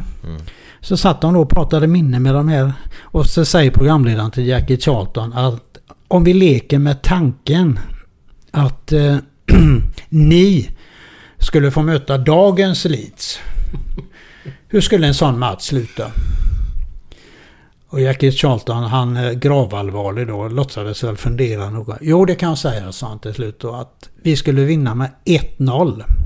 Alltså bara 1-0. Jo men du får ju tänka på att vi är över 60 år. Men den har jag hört att Torbjörn har sagt till någon journalist. Torbjörn Nilsson fick den frågan. alltså ja, då har hämtat den där. Att man Ja, möter dagens AIK. Eller, eller, vad fan. Sen hade han bestämt sig, Jackie Charlton, Billy Bremner berättade det, att några år efter VM-segern 1966 så hade han bestämt sig för att sluta i landslaget. Men han var ju livrädd för att eh, berätta detta för förbundskaptenen Alf Ramsey som sen adlades blev Sir Alf. För alla hade sån fruktansvärd respekt för honom. Så han undrar hur ska jag säga detta nu? Så han, men jag måste ju göra det. Så att han skulle inte spela i landslaget, bara spela i Leeds då. Så vid en landslagssamling så eh, bad han att få eh, prata med Sir Alf. Ja visst, ja, de gick åt sidan där och så stammade han väl fram det. Jo, det, det är så att jag har bestämt mig nu för att eh, jag ska inte spela mer i landslaget. Jag ska sluta i landslaget. Och så väntade han ju på en utskällning. Ramsey rörde inte en min och så sa han Det var fan i mig på tiden. Snacka om käftsmäll. Så var det inget mer. Så hade du med. Ja, vad härligt. ah, vad grymt. Ja, det var härligt. Ja. Härliga minnen. Mm. Vi går vidare till England där då. När, när du var proffs i Liverpool då Glenn. Så, så var du över ett par gånger Stefan eller? Ja, var Som Glenns fler. vän. Bodde hemma hos eh, Glenn då. De var vä- väldigt gästfria. Ja. Eh, och fick vara med Glenn då eh, på, på matcherna. Jag var inne i loungen där, där spelarfruarna och andra eh, var. Så det var ju jätteroligt. Och även var med på några pubrunder också där mitt i veckan. Lugnt och fint. ja men du, vänta nu. Glenn har berättat om dessa i, i alla fall 20 gånger i den här podden. Har du lust att berätta hur du upplevde de rundorna mitt på en vardag så? Ja, alltså det var ju inte många gånger jag var med på det, men jag var några gånger. Var det onsdagar ni hade som tradition nästan att gå ut eller något sånt där? det Mitt i blev- veckan det i alla fall. Det blev både tisdag och Det torsdag blev det, också. ja, ja. Men ju närmare match det blev så var det ju mindre. Ja, det är klart. Nej, men det var ju väldigt mycket öl och eh, alla hade roligt och eh, god samvaro. Men när man tänker på det idag så är det förvånansvärt att de på lördag sen kunde gå ut och banka dit eh, Coventry med 6-0. eh, När man hade sett dem på onsdagen då. Men jag tror att det var så i, det, i ligan överhuvudtaget. Alla gjorde ju likadant. Ja, så- det- ja visst. ja. Eh, inte minst eh, Arsenal. Eh, där fanns ju en... De drack ju som fiskar där. Alltså det var ju inte klokt. Det var ju Arsène Wenger som förändrade kulturen överhuvudtaget. Inte bara i Arsenal. Jag tror han påverkar hela ligan. Jajamän. med sättet att vara och eh, sköta sig och äta rätt och så vidare. va. Men, men det, så- det var så bara. Det var så. Ja. Det, det, det ser man också i den dokumentären vi pratade om där. Ja. Eh, Att han kom in och förändrade ganska mycket. Ja, det gjorde han. Det gjorde han. Men, det, men det var ju inte det att man var ute på kvällar och röjde. Det, det var ju aldrig något sånt. Nej, nej. Utan det var eftermiddagsgrejer. Ja, just det. Tre, fyra bilar, lite biljard. Ja. Och så på med jukeboxen. Och så stod man och tjatade och spelade lite pool. Och Ja. Det, var, det var ju inte så att man var ute på kvällarna och Nej, röjde nej, till klockan nej, 12. Eller nej. nej, för fan. Aldrig. Men hur, hur, hur, var, eh, hur, hur- hur var själva stämningen i Liverpool när du var där? Eh, bland supportrar och sånt? Eller hängde du bara med Glenn? Eller var du ute på pubarna och sånt? själv? Nej, var, det var inte så att jag var ute bland supportrar. Det var jag inte. Men Liverpools supportrar var ju i eh, alla år kända för sin eh, humor, sin slagfärdighet. Och eh, brukar säga att Liverpool och Göteborg eh, väl hade i alla fall väldigt mycket gemensamt. Det var hamnstäder. Fotbollen betyder väldigt mycket. Och så den här humorn, slagfärdigheten. Det, det håller du med om? Jajamän, Alltså, det är klock, klockrent. Snabba Ja. kommentarer och de, alltså det här klassiska som jag har berättat och skrivit om många gånger med någon hade sk- sk- skrivit ett religiöst budskap på en vägg där eh, Jesus saves, alltså Jesus räddar. Och så hade ju någon skrivit under där. Och Kenny Dalglish slår in returen. Till exempel. Och en annan också bra vet du från... De hade ju en eh, center på 60-talet som heter Ian St. John. Som sen blev eh, tv-kommentator i många år. Han dog nyligen. Eh, och ehm, Det var en sån här gammaldags center. Nummer nio på ryggen. Eh, Kraftig som sparkar in boll och målvakt och hela helvetet. Va? Eh, som centra skulle vara på den tiden. Och då hade någon eh, skrivit ett religiöst budskap igen. Eh, vad ska ni göra när Jesus kommer tillbaka? Och då hade någon skrivit under. Flytta St. John till högerinnen. Den typen av humor Ja, var ju ja, det- underbar va? Ja, ja. Ja. Eh, ursäkta att jag är lite sådär men det, det står skivan är nästan full på datorn här bara. Så skulle det krascha nu så, så, så tar vi en liten paus bara snabbt och så fixar vi det under tiden. Men Glenn jag vill ha lite nivåsättning av dig, tack. Ja... Jag vet inte. Jag tycker att denna är rätt så okej faktiskt. För att, Bara, bara innan du fortsätter nu. Brukar han dra historier för dig också, Stefan eller? Eh, nu pratar vi inte med varandra lika mycket som förr men jag vet ju om hans förkärlek för ordvits. Alltså antar att det är någon dålig som kommer där nu då. Det, Vi träffade ju takgubbarna när vi gick Ja. ner här nu. Eh, vad hände? jo då, det utbyts, böts, byttes eh, några vitsar. Ja, det gjorde det. Ja, det gjorde det. Ja. Takgubbarna tyckte de hade en jättebra. Den har Glenn hört i Ja, de hade ju 300 hört min också, så- Ja, ja. Vilken var det de tyckte var så bra då? Den tror jag till och med... ja, det var ju... vänta nu, vänta nu. Den, katt, den, svalde lampa. den drog du i Parneviks eh, program faktiskt. Ja, de är ja, där. ja. Hur går den? Ja. Ja, det var någon sån där katt svalde lampa. Lös i magen. Ja. Ja, ja. Den är ju jättebra. Ja, jo, men den är ju gammal. Ja, ja, men den är ju bra. Ja, ja. Det får vi ge takkillarna i alla fall. att- Jajamän, Ja, jajamän, ja. absolut. De har humor. Ja, ja, ja. ja. Ja. ja jag vet inte... Ja, vilken, vilken, vil- vänta nu, vilken kontrar du med då? Ja, då kontrar jag med... Eh, jo, det var ju det- den där gubben som kom in i butiken och sa Har ni påskris? Ja, det har vi. Ja, Kan jag få det i en påse tack? Nej, tyvärr. Vi har påskris. Ja men alltså, och, vet, och vad kontrar de med takgubbarna då? Ja, men den har jag hört hundra gånger i podden. man kommer ju inte ihåg vad fan man har tagit för något. Ja men den har du nog tagit hundra gånger. Men hur många sa. jävla poddar har vi gjort?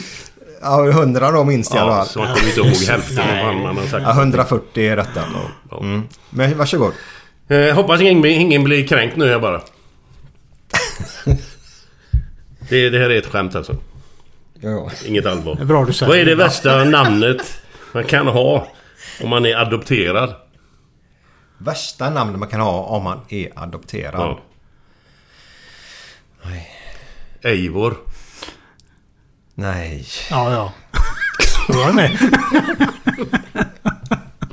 Ja. Ja. Är det bara en eller ska vi ha en till? Ja, en till. Okej.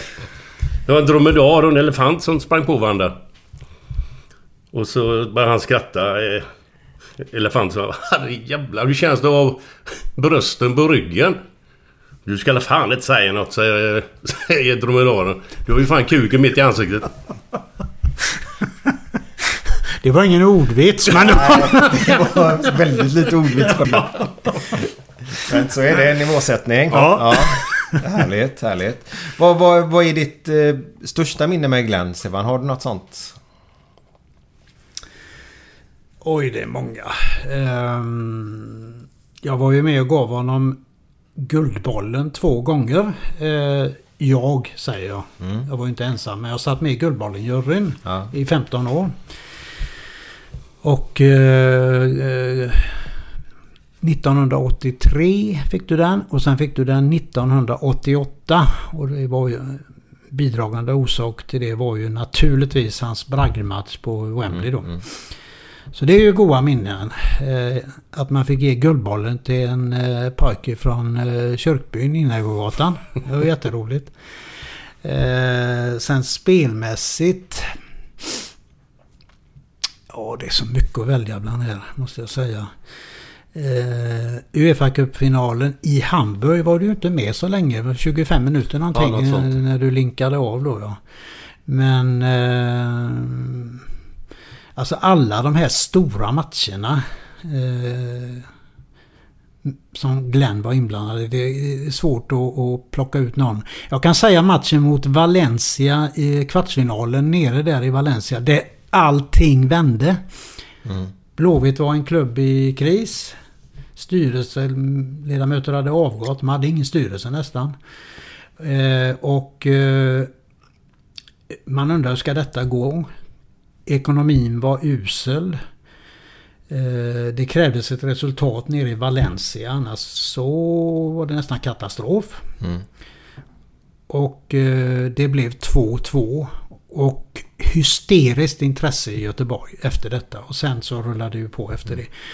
Men då sände Loket och jag fem timmar direkt i radion, lokalradion. Mm. Och jag har hört efteråt att stan stod ju nästan stilla den kvällen. Därför det betydde så mycket. Mm. Då hade vi telefonväkteri först. Som eh, Loket hade ju ofta. Oh, Där ja. folk fick ringa och ställa frågor då va. Och jag vet att eh, Staffan Lindeberg var nere för att göra två minuter för eh, Sportnytt. Och Staffan var ju väldigt noggrann, väldigt bra kommentator. Man var ju, han var Lokes diametrala motsats kan man säga. Ja. Väldigt noggrann säger va. Eh, uppgifter. Och eh, allt Loket hade med sig när vi gick upp i studion där för att sända fem timmar direkt. Det var en plastpåse med fem öl och en penna. Och då sa jag till honom, vad ska du ha pennan till? För den använde han inte vet du. Han litade på mig där att jag skulle ha koll på det. Men Han var ju naturbarn Loket. men Ja, till. Men det var ett roligt minne. Och då gjorde ju Glenn en, eh, en eh, kanonmatch också. Men, Men- det gjorde ju alla. Men kom du ihåg... Eh, alltså första målet de gör. Valencia. Det är en frispark från 40 meter eller Ja. Frank Arnesen. Ja, ja. Och anledningen till det, för Werner tänkte den måste han ju fan ta. Men då hade han ju fått en, det har du hört tidigare kanske? Ja. Han, han hade i alla fall fått en smäll på träningen. Så han fick ju en bedövningsspruta innan match. Men det var för mycket dos. Så han fick inte upp den armen liksom. Så, att den var som en halva. Den hängde här nere ungefär. Så han fick inte upp armen och därför släppte han in den. Ja. Och dessutom säger han ju efteråt... Och det var- eh, Ja, förlåt. Jo, ja, det var väl... Linde... Vad heter han? Ulf Lindenberger. Ulf Lindenberger som Ja, hade tagit den. ja.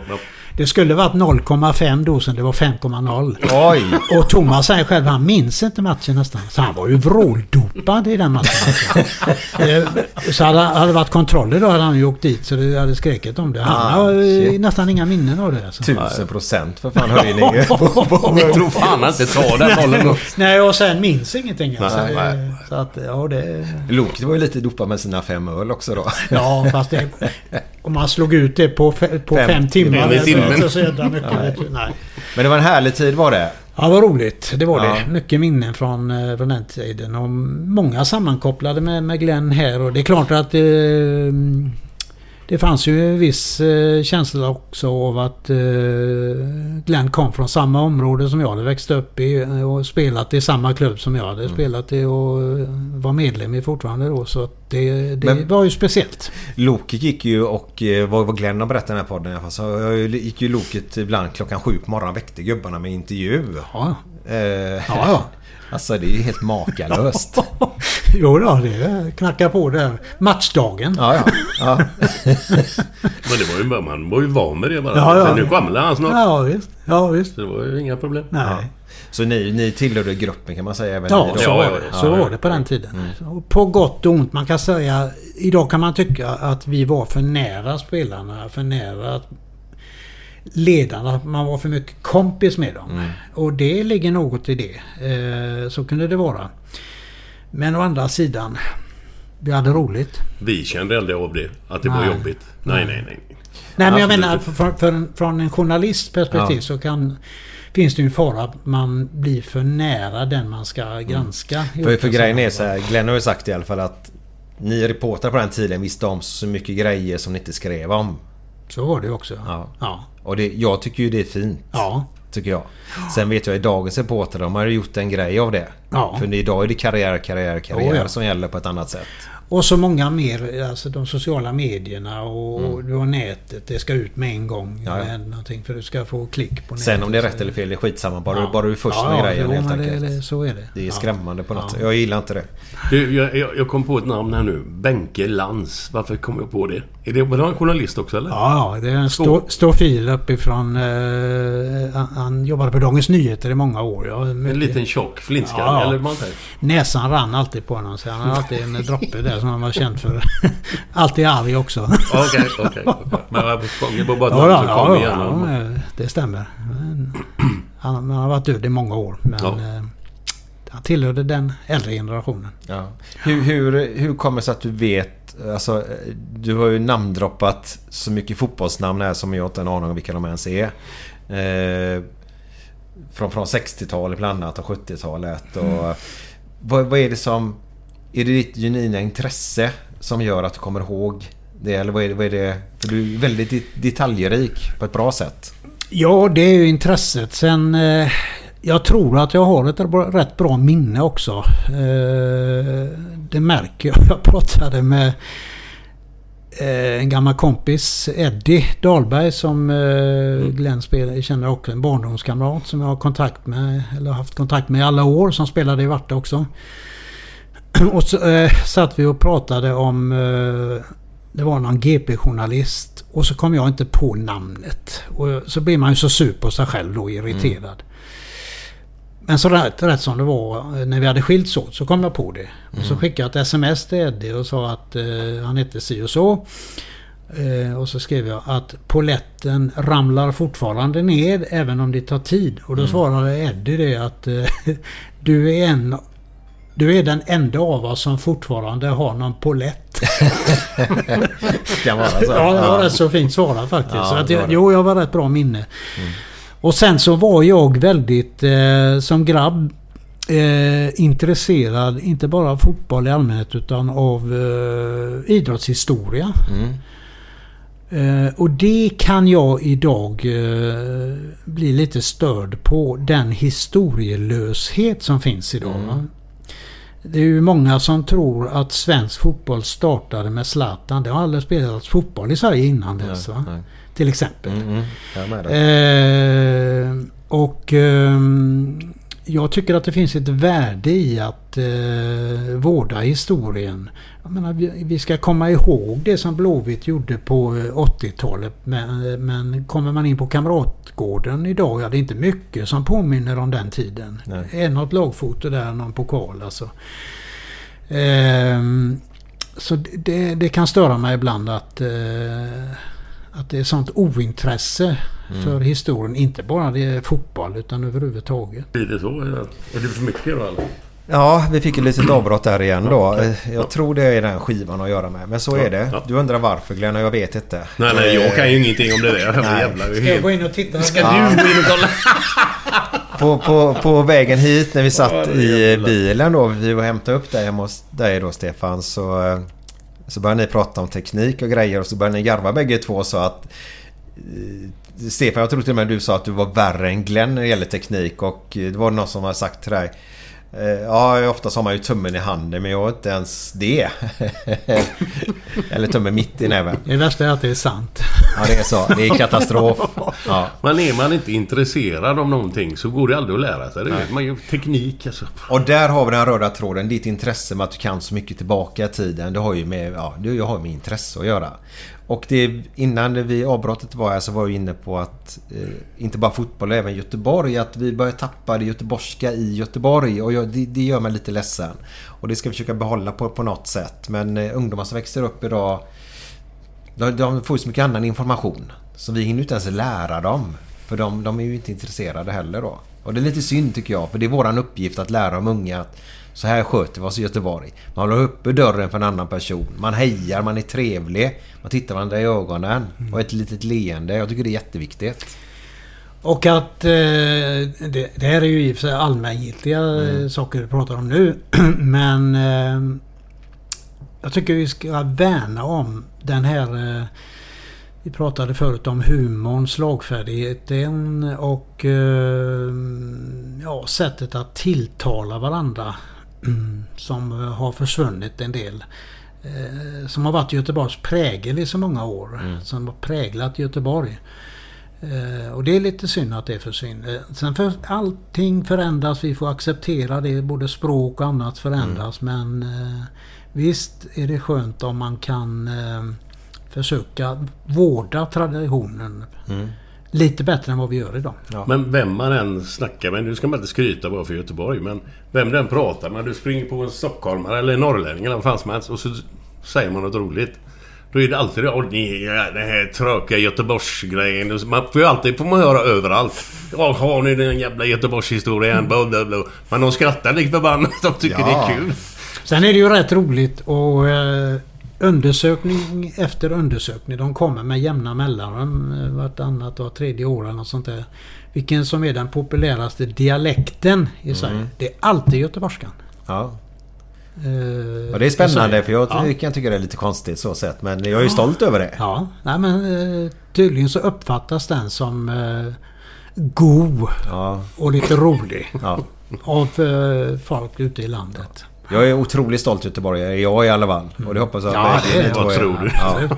Och där är lite roliga, vi ska inte gå in på, kan göra det på en annan program. De håller på att rösta fram årets göteborgare nu också då. Och ser man den här listan tillbaka så, så är det lite konstigt att, att Mr Glenn Hysén aldrig har blivit det tycker jag personligen då. För går vi upp i, jag ska göra sån. Nästa gång vi är uppe i Stockholm ska jag göra en egen en, heter det, en, enkätundersökning. Enkät, ja. Enkät. Eh, och ska jag fråga, om ni tänker på Göteborg, säg en känd göteborgare. Så ska de få svara. Ska vi se eh, vem, vem som vinner den Mm. fighten där. För det har varit väldigt konstiga göteborgare som har vunnit genom åren som kanske inte alltid har, har varit göteborgare heller då. Nej, det har ju... eh, Om det är konstigt eller inte, det vet jag inte. Men, men eh, de har väl släppt eh, lite på det att eh, man inte behöver vara urgöteborgare för att få det. Utan det är väl insatsen, gärningen, Ja, eh, Precis. vad det nu är har varit Det, det är ju som, som kriterierna räknas. som, Ja, det som räknas. Liksom. Men det är ju fint eh, de här kriterierna för att få vara med i Karlsorden. Känner du till dem? Nej, det får du gärna berätta. Det finns ju någon gammal sammanslut som heter Karlsorden och då stavas alltså orden då, den stavas O-D-E-N på Ja. göteborgska då. Orden. Karlsorden. Ja. Mm.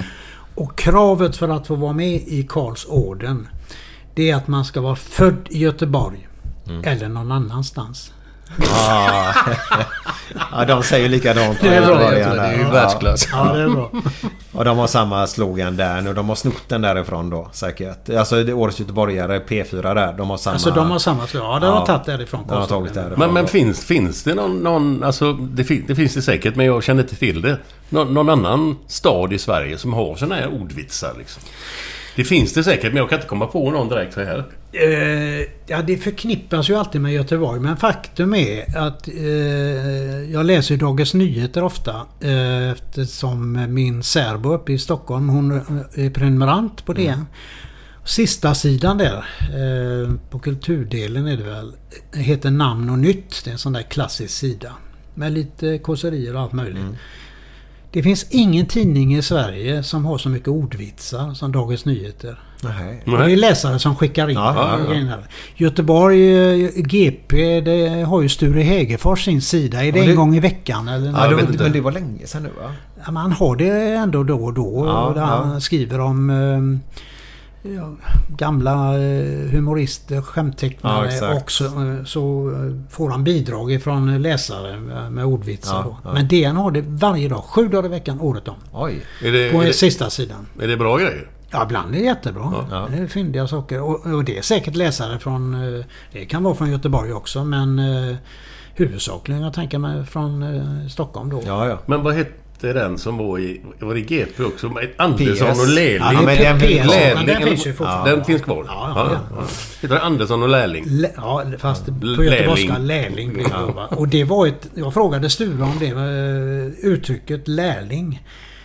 Eh, och det var förr i tiden. Det var eh, lite skällsord. Jädra lärling. Du vet, Ah, lite okej. så, Ja, ja. kunde ingenting va? Nej.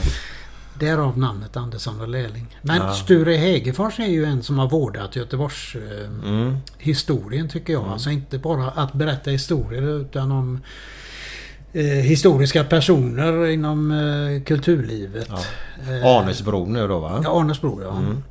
Och... Eh, Har inte han jobbat väldigt mycket för att få ett museum också eller sånt där? jo, ett humormuseum. Men Ja. det, det blir ju ingenting Nej. av det tyvärr. Men eh, jo, det har han gjort. Ja. Och har haft upprop. Jag har själv skrivit på ett sånt upprop. Ja, det är så. tid för några år sedan. Men Ja. nej, det blir inget. Nej. Tydligen. Det enda de har slutat med i GP i alla fall, det är den Godmorgon. Kommer du ihåg den? Som var på första sidan igen. Ja, just det. Eh, ja, jag läser inte GP varje dag nu. Eller jag är inne och tittar på nätet bara sådär. Men Mm. eh, ja, det är, alltså de har slutat med den. Det Ja, har ja. jag inte tänkt på. Men det kan du. Kolla på nätet. Ja, det kan jag. Ja. Fisk, fisknätet. jag inte vad nätet älskling. Ja, men det var... Nej, men jag beställde biljetter och resor och allting Ja, det på kan nätet. du. Ja, Det kan ja, jag. det kan då så. jag. Då, problem. så är du bättre än Det kan Glenn ska du ja. veta. Det kan Mycket jag bättre än Glenn. Herregud. Du, ja. Jo, jo det, var ju, det, var, det var ju någon sån med nätet där häromdagen. Det var inte det i GP? Vad fan var det? Det var, det var, det var en bild. Så var det en gubbe som stod med ett nät så här. Så var hans fru som hade sagt- frågade han sin fru. Hur gör man bearnaisesås? Han Ja. frågar frun. Ja. Kolla nätet! Säger hon då. Då står han med nät. Så jag fattar fortfarande inte. Han står och tittar Ja, in i ett fisknät. fisknät. Ja, du måste tänka på att... Ja, ja men de ser ju inget de som lyssnar än. Nej, du de måste är tänka på det. Glenn. Ja. Glenn visar allting med fingrarna och händerna just där Ja. nu då. Eh, Men ja, okej, men vi var inne på det med Göteborg där förut då. Så, så, vi pratade ju om att eh, de inte är rädda om arvet av journalister då. Någon, någon, någon jag vill hylla då är ju Erik Niva. Han kan ju bakgrund till många föreningar och sånt. eh, Och klubbar. Mycket trevligt att lyssna på honom tycker jag. Eh, han har en podcast som heter eh, When We Was King tror jag den heter.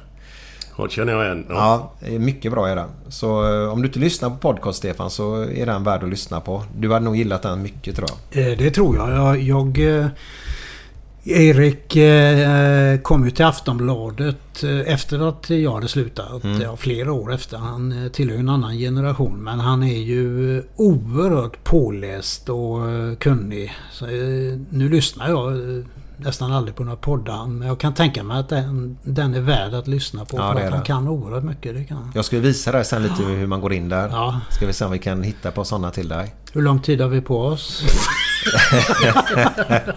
Men du, jag tänkte på en sak. Du, du, du, är ju, Fem, fem öl väl ungefär. du är ju så insatt i fotboll och du är intresserad naturligtvis då som du säger själv. Och, men är det någon annan sport som du... är- Som du, alltså som du är någorlunda liksom, typ handboll, hockey eller något annat som är, som är Jag kan säga varmt så om hjärtat? Alltså det som jag efter fotboll då tycker om att eh, se. Det är eh, friidrott på stor nivå. Alltså det är ett VM, OS i friidrott. Det spelar ingen roll om det är löpning eller kastgrenar eller vad det är, eller hopp. Det tycker jag är fascinerande att följa. Och sen av lagidrotterna så eh, gillar jag handboll. Eh, och där tycker jag att fotbollen har väldigt mycket att lära av handbollen när det gäller attityd och respekt. Eh, ser du någon spelare i handboll filma? Nej, nej, nej. Aldrig. Ser du någon, ser du handbollsspelare omringa domare och protestera mot domslut? Aldrig. Eh, får man frikast emot sig måste man lägga ner bollen omedelbart annars så går det ut två minuter. Där har fotbollen mycket att lära. I respekt och attityd. Och det är samma med en sport som rugby. Så där du smäller något så fruktansvärt. Men jag såg ett klipp på YouTube till... Jag kan- kan gå in på YouTube. Det klarar jag. Ja, det ser du. Vad fan, du blir bättre och bättre. Du växer ju. Alltså, Han bara ljuger om sitt jävla teknik. han kan bli våra nya klippare. Nåja, nåja. Eh, I alla fall, där var det en, eh, ett klipp där från en rugbymatch. Jag tror det var i Australien. Och ehm, då var det en spelare som klagade på någonting och skrek någonting. Och då sa domaren till Kom hit sa han, till spelaren. Så ställde han. Vi har aldrig träffats förut sa han till spelaren. Jag vill informera dig om att det är jag som är domare, inte du. Och eh, får jag höra ett enda klagomål från dig till så kommer jag bestraffa dig. För detta är inte fotboll. Med andra ord, detta är rugby. I rugby protesterar vi inte mot domslut. I, I rugby eh, respekterar vi domare. Och man kan ju bli trött ibland på dessa ständiga protester mot alla domslut nästan. Och eh, de slår ut med armarna och, och de ska fram och diskutera domslut. Eh, Och det är, bara, det är bara sporten själva som, som kan göra den Ja, förändringen. ja. För vi pratade om förut när man kom upp till eh, Aftonbladet när det dracks på den tiden. Att man kommer in i en miljö och så tar man ju efter hur, hur miljön Mm. Ja, ser ut. ja. Och det är ju typ handboll. Så här beter man sig på handbollsplan. Precis. Då gör småttningarna det också. Ja, ja. Så här beter man sig på fotbollsplan. Och alla stjärnorna filmar och springer på domarna Ja, och skäller. ja. Ja, då gör ju Ja, ungdomslagen det är klart han också. gör. Det är klart han gör. Så det måste ju förändras. Själva sporten själva måste Ja. få tag i det. Alltså jag förstår inte hur man kan... Om du är i en duell och du inte får någon smäll. Det kan man ju se på reprisen sen bara. Det är ingen smäll. Att man kan ligga kvar då och, och, och, och liksom grina. Och så ligga lyfta och kolla på spelet tar vägen. Alltså det är helt- för mig helt ofattbart. Det är ofattbart för att de måste ju veta att de blir avslöjade idag. Ja nu framförallt nu när kamerorna finns överallt. det. Det är repriser på repris Åh, alltså. Kommer du ihåg han italienaren? I, I EM som var nu. Eh, fan är det han heter? Forwarden där. Har han nummer 11 eller? Han, han filmar ju som fan och så blev det ju mål sen. Han skämdes ju. Ni kommer inte ihåg det? Jo, men jag kommer inte ihåg namnet just nu. Ja men han spelar väl i, i... Jag skulle sagt han spelar i Lazio. Skulle jag ha sagt. Kesa. Nej. Nej. eh, I, i, Ja, han menar du. Ja, ja men jag vet vem du Ja, menar. det gör det. Ja, ja, ja. Tack. Han, han gjorde sån jättegrej. Han, han filmade ju som fan i straffområdet. Mm. Men så blev det ju mål så såg man han skämdes ju nästan Ja, sådär. Ja. Alltså In- stäng av honom efteråt. Ja, ja, ja, alltså stäng av. Ja, Det är ju bara ja. avstänga. Du måste ju få ett straff. Om, om du gör någonting som inte vill ha i fotbollen. Mm. Det enda sättet att göra det, böter, det är skitsamma. De kan böta 3 miljoner. Det är skitsamma för dem. Mm. Ge dem ett straff. Att de inte får spela fotboll på tre månader då. Ja, ja, visst. och de får inte träna heller. De får utanför laget helt och hållet. Insigni eller Insagni eller... Inte Insagi. Nej. Nej, det var Ansigni. Insigni eller något sånt där I- nej. ja, skitsamma. Ja, men... Eh, ja, Nej, men jag tycker eh, för att återvända till handbollen då exempelvis. Att där har fotbollen mycket att lära. ja. För det finns ett lag i Sverige just nu som jag tror är ute på lite vift. Fan, nu är jag ute på vift. Men jag säger Rimbo, säger jag. Jag tror de har haft det på matcher här nu där de inte har skött sig så bra. Jag, eh, Är det handboll? handboll, ja. Eh, Det, var, det är väl lite derbyn där nere tror jag, eller något sånt där som har varit här nu. Det var nu senast... eh, Det, det blir slagsmål på planen helt enkelt. I, mellan spelare och sånt där. Var är de ifrån? Rimbo? Rimbo är ju uppe i Stockholm faktiskt. Okej. För det fanns ja. en AIK-are som hette det. Det. Roland... Förr i tiden så fick ju ofta spelarna smeknamn efter sina orter de kom ifrån. Va? Ja. Och det är helt rätt som du säger på 60-talet. En kille som heter Roland Lundblad. Han Mm. kallas för Rimbo. Han kom därifrån. Jag kan säga direkt då, jag, jag gör en pudel. Om jag nu sa fel klubb så ber jag så mycket om ursäkt och då ska vi skriva det på oss, eller ta upp det i nästa podd om jag har sagt fel. Men jag tror att det är den klubben som Ja. har varit ute och, Okej. och haft lite problem här nu i slutet. Betett sig illa på planen helt Men det är enkelt. undantag. Ja, det är Och undantag är därför det. blir det uppmärksammat Ja. också då. Ja. Nej, handboll är en härlig sport. Eh, mycket att lära av den. Mm. Eh, och sen så har handbollen mycket att lära av fotbollen med supporterskap. Alltså få in stämning och det på, på planerna också. Eh, men det är häftigt med idrott. Ja det är det ju. Mm. Och ehm, Det skapar ju en... Eh, om vi tar Göteborg igen nu. Eh, så det skapar ju en... ehm, en gemenskap. Och eh, ännu mer när svenska landslaget spelar i mästerskap. Och, och numera kvittar de det är tjejerna eller killarna Mm. som spelar. Så skapar det en nationell gemenskap och ett engagemang som jag tycker är väldigt positivt. Sen kan man tala om avigsidor med nationalism. Men jag tycker inte det är så påtagligt eh, negativt i det här fallet. Utan det, det är ju mest glädje. Oh, ja. Att folk står och tittar på storbildsskärmar på torg och så vidare. Det är ju, Ja, det är roligt. Ja, ja. Det blir ett engagemang. Och just detta som vi var inne på förut. Att i de, stora mästerskapen, där är det inte pengarna det handlar om. Nej. I i landslaget. Utan där ställer man upp för, för landet och... ehm, där har jag fortfarande ett väldigt stort intresse. Mm. Större än vad jag har för den internationella klubbfotbollen. Mm. Men i, i en VM-turnering eller EM säger vi. Är, är det inga... För den som vinner då exempel 1, 2, 3 säger vi. Får de inga pengar? Jo, jo, det är stora de, pengar. Ja, ja, men de får någonting alltså. Ja, ja, det är stora pengar och de, som går till respektive eh, förbund och så Ja, har ja. de avtal med spelarna. Ja, Men- ja. Så får man en bonus lite grann. Ja, ja visst. Men eh, det, det är ju ändå om man jämför med vad de tjänar eh, spelarna i sina klubblag Ja, ja. så är det ju ingenting. Nej. Nej. Så, eh, men jag tänkte vi ska ta en sista här grej. Jag kommer tänka på det nu. Ska vi se. Vi kommer inte ha något svar på det men vi ska diskutera det tänkte jag. Var det 0-0? Vi hade fem allsvenska lag i Göteborg. Ja. Stämmer eller? Jag eh, tänkte så här. Då har vi Frölunda, Häcken, Gais, ÖIS, Blåvitt. Eh, och Och eh, 90-talet var väldigt trevligt för Blåvitt. Men här nu är vi på väg neråt. ÖIS var vi ganska bra här nu va? Var det där med, med Albeck och dem? Var inte det Alfonso och gubbarna?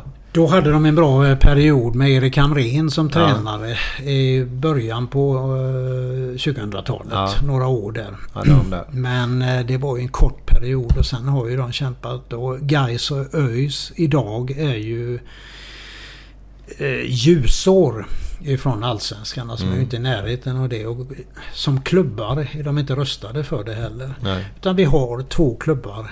eh, Förhoppningsvis även nästa säsong. Eh, Och det är ju eh, IFK Göteborg och Häcken. Häcken lever sitt liv. Det är en välskött förening. De har kontinuitet i sin verksamhet. Mm. Och då har- det inte gått så bra för dem som jag trodde att det skulle göra i år.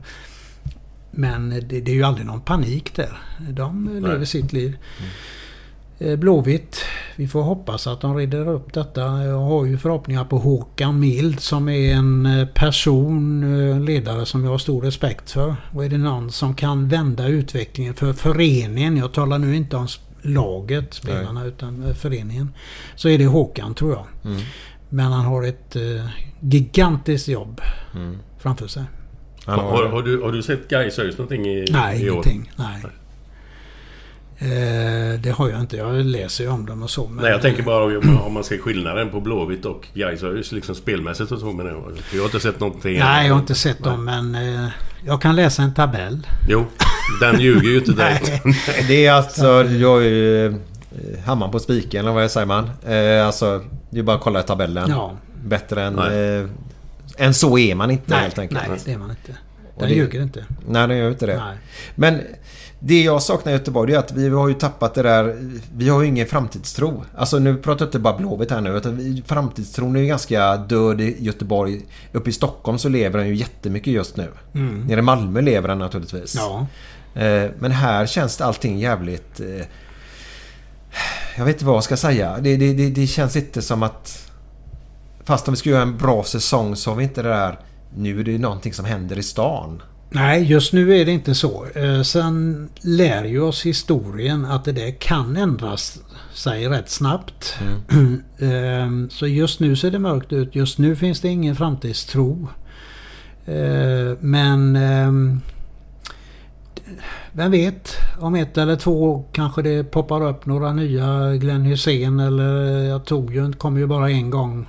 Det- Han per- kommer per århundrade. Men, men eh, några nya eh, stjärnor. eh, Som vänder utvecklingen och, och skapar framtidstro. Och det, eh, det kan hända men just nu ser det mörkt ut. Det gör det. Ja.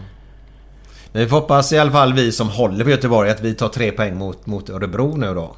Det hoppas vi. Om jag vågar säga att jag tror det, det vet jag inte riktigt. Nej. Att jag har sett deras senaste matcher. Men det är klart att vi hoppas Vi det. hoppas det betyder så mycket för stan. Mm. För det är IFK Göteborg.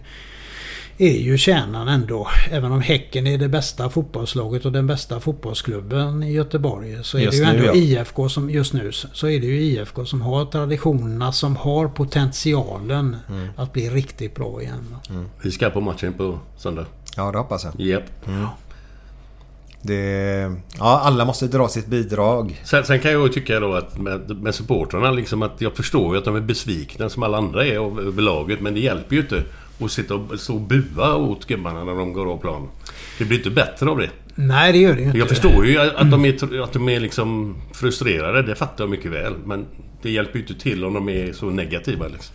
När jag såg den matchen mot Kalmar. Jag måste, jag såg ändå säga, jag måste ju ändå säga att i 85 minuter så, så eh, sjöng och stötte de ju laget Ja, hela ja, tiden. ja. Sen de sista fem minuterna då, då började de skandera börja spela fotboll nu Ja, Blåvitt. ja, och det, ja. det, Jag förstår ju det alltså. Jag fattar ja. det. Men Ja. det, det hjälper ju inte liksom. Nej. Men den är ju bra att skrika faktiskt. För det är ändå ett tecken på att, att miss, missnöjet ska ju finnas där. Ja. För, för den... Att man inte ens tar, att man inte tar tre poäng och alltså man spelar inte bra fotboll så finns ingenting som är varit positivt senaste Nej. matcherna. Nej, det gör det det, inte. det finns ju ingen... Eh, nu tappar jag... Vilka var det vi vann med, med 2-0? Halmstad tror jag. Halm- ja. Står 2-0. Och det, det var ju inte om man går in och tittar på den här matchen alltså spelmässigt. Det är ju inte jättebra. Man ska, alltså 2-0 hemma mot Halmstad. Det, det är ju... Ska det bli, Ja, ja. Ja. exakt. Det ska ju... Gamla Blåvitt alltid ta med sig egentligen Ja. tycker man ju då. Nej, det är mycket... Ja, vi får hålla tummarna nu verkligen och Ja, kriga på söndag. Japp. Så får vi se vad det tar vägen. Eh, Men efter den här låten då eh, som, som din eh, forna otroligt nära vän nämns så kommer jag vet det, Glenn med, med lite härliga vitsar och avslutar den här podden med. Så häng kvar där ute nu.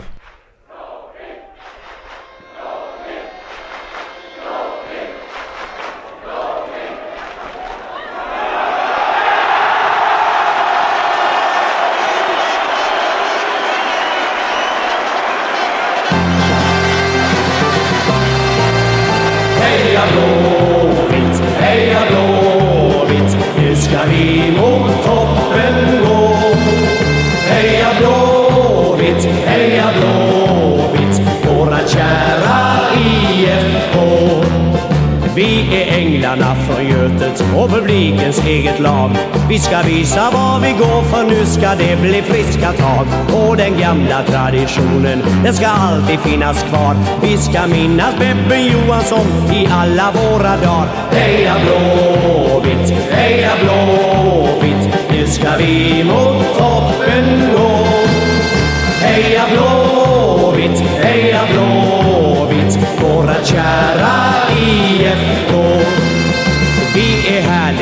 att skåda, ja jag säger bara det. Vi är killar som kan lira, det är oss som de vill se. Och det dröjer inte länge förrän bollen går i mål. Hela Ullevi förenar sig i ett och samma vrål. Heja Blåvitt, heja Blåvitt, nu ska vi mot toppen gå. Heja Blåvitt, heja Blåvitt, våra kära när killarna i laget har lagt upp sin taktik. Ja, då går det som en dans och vi får höra nätmusik. Ty att vinna alla matcher, det är det vi kämpar för. Så sjung med oss allesammans ut i våran änglakör. Heja Blåvitt, heja Blåvitt Nu ska vi mot toppen gå Heja Blåvitt, heja Blåvitt våra kära IFK Heja Blåvitt, heja Blåvitt Nu ska vi mot toppen gå Heja Blåvitt, heja Blåvitt Våra kära IFK Ja, då ska vi se här. Det här hände på ett eh, zoo. Titta mamma! Den här apan ser ut som faster Rut, säger hennes dotter. Nej, men fy! Så får man inte säga. Men herregud, apan förstår inte vad jag säger. Ja, det är bra. Mm. Ja, Den här tycker jag är bra. Men doktorn säger till patienten. Du måste sluta onanera. Jag? Va, varför då? Du kan inte mena allvar. Varför då? Ja men vad fan, du skrämmer ju bort de andra patienterna i väntrummet.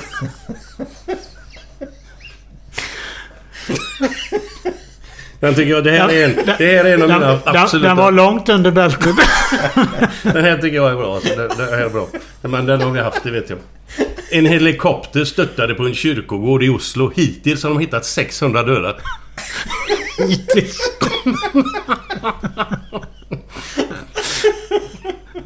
Så är det. ja. Ha det gött, Ha det gött, ha det så gött, hörs ha det vi gött. nästa Hej då. fredag.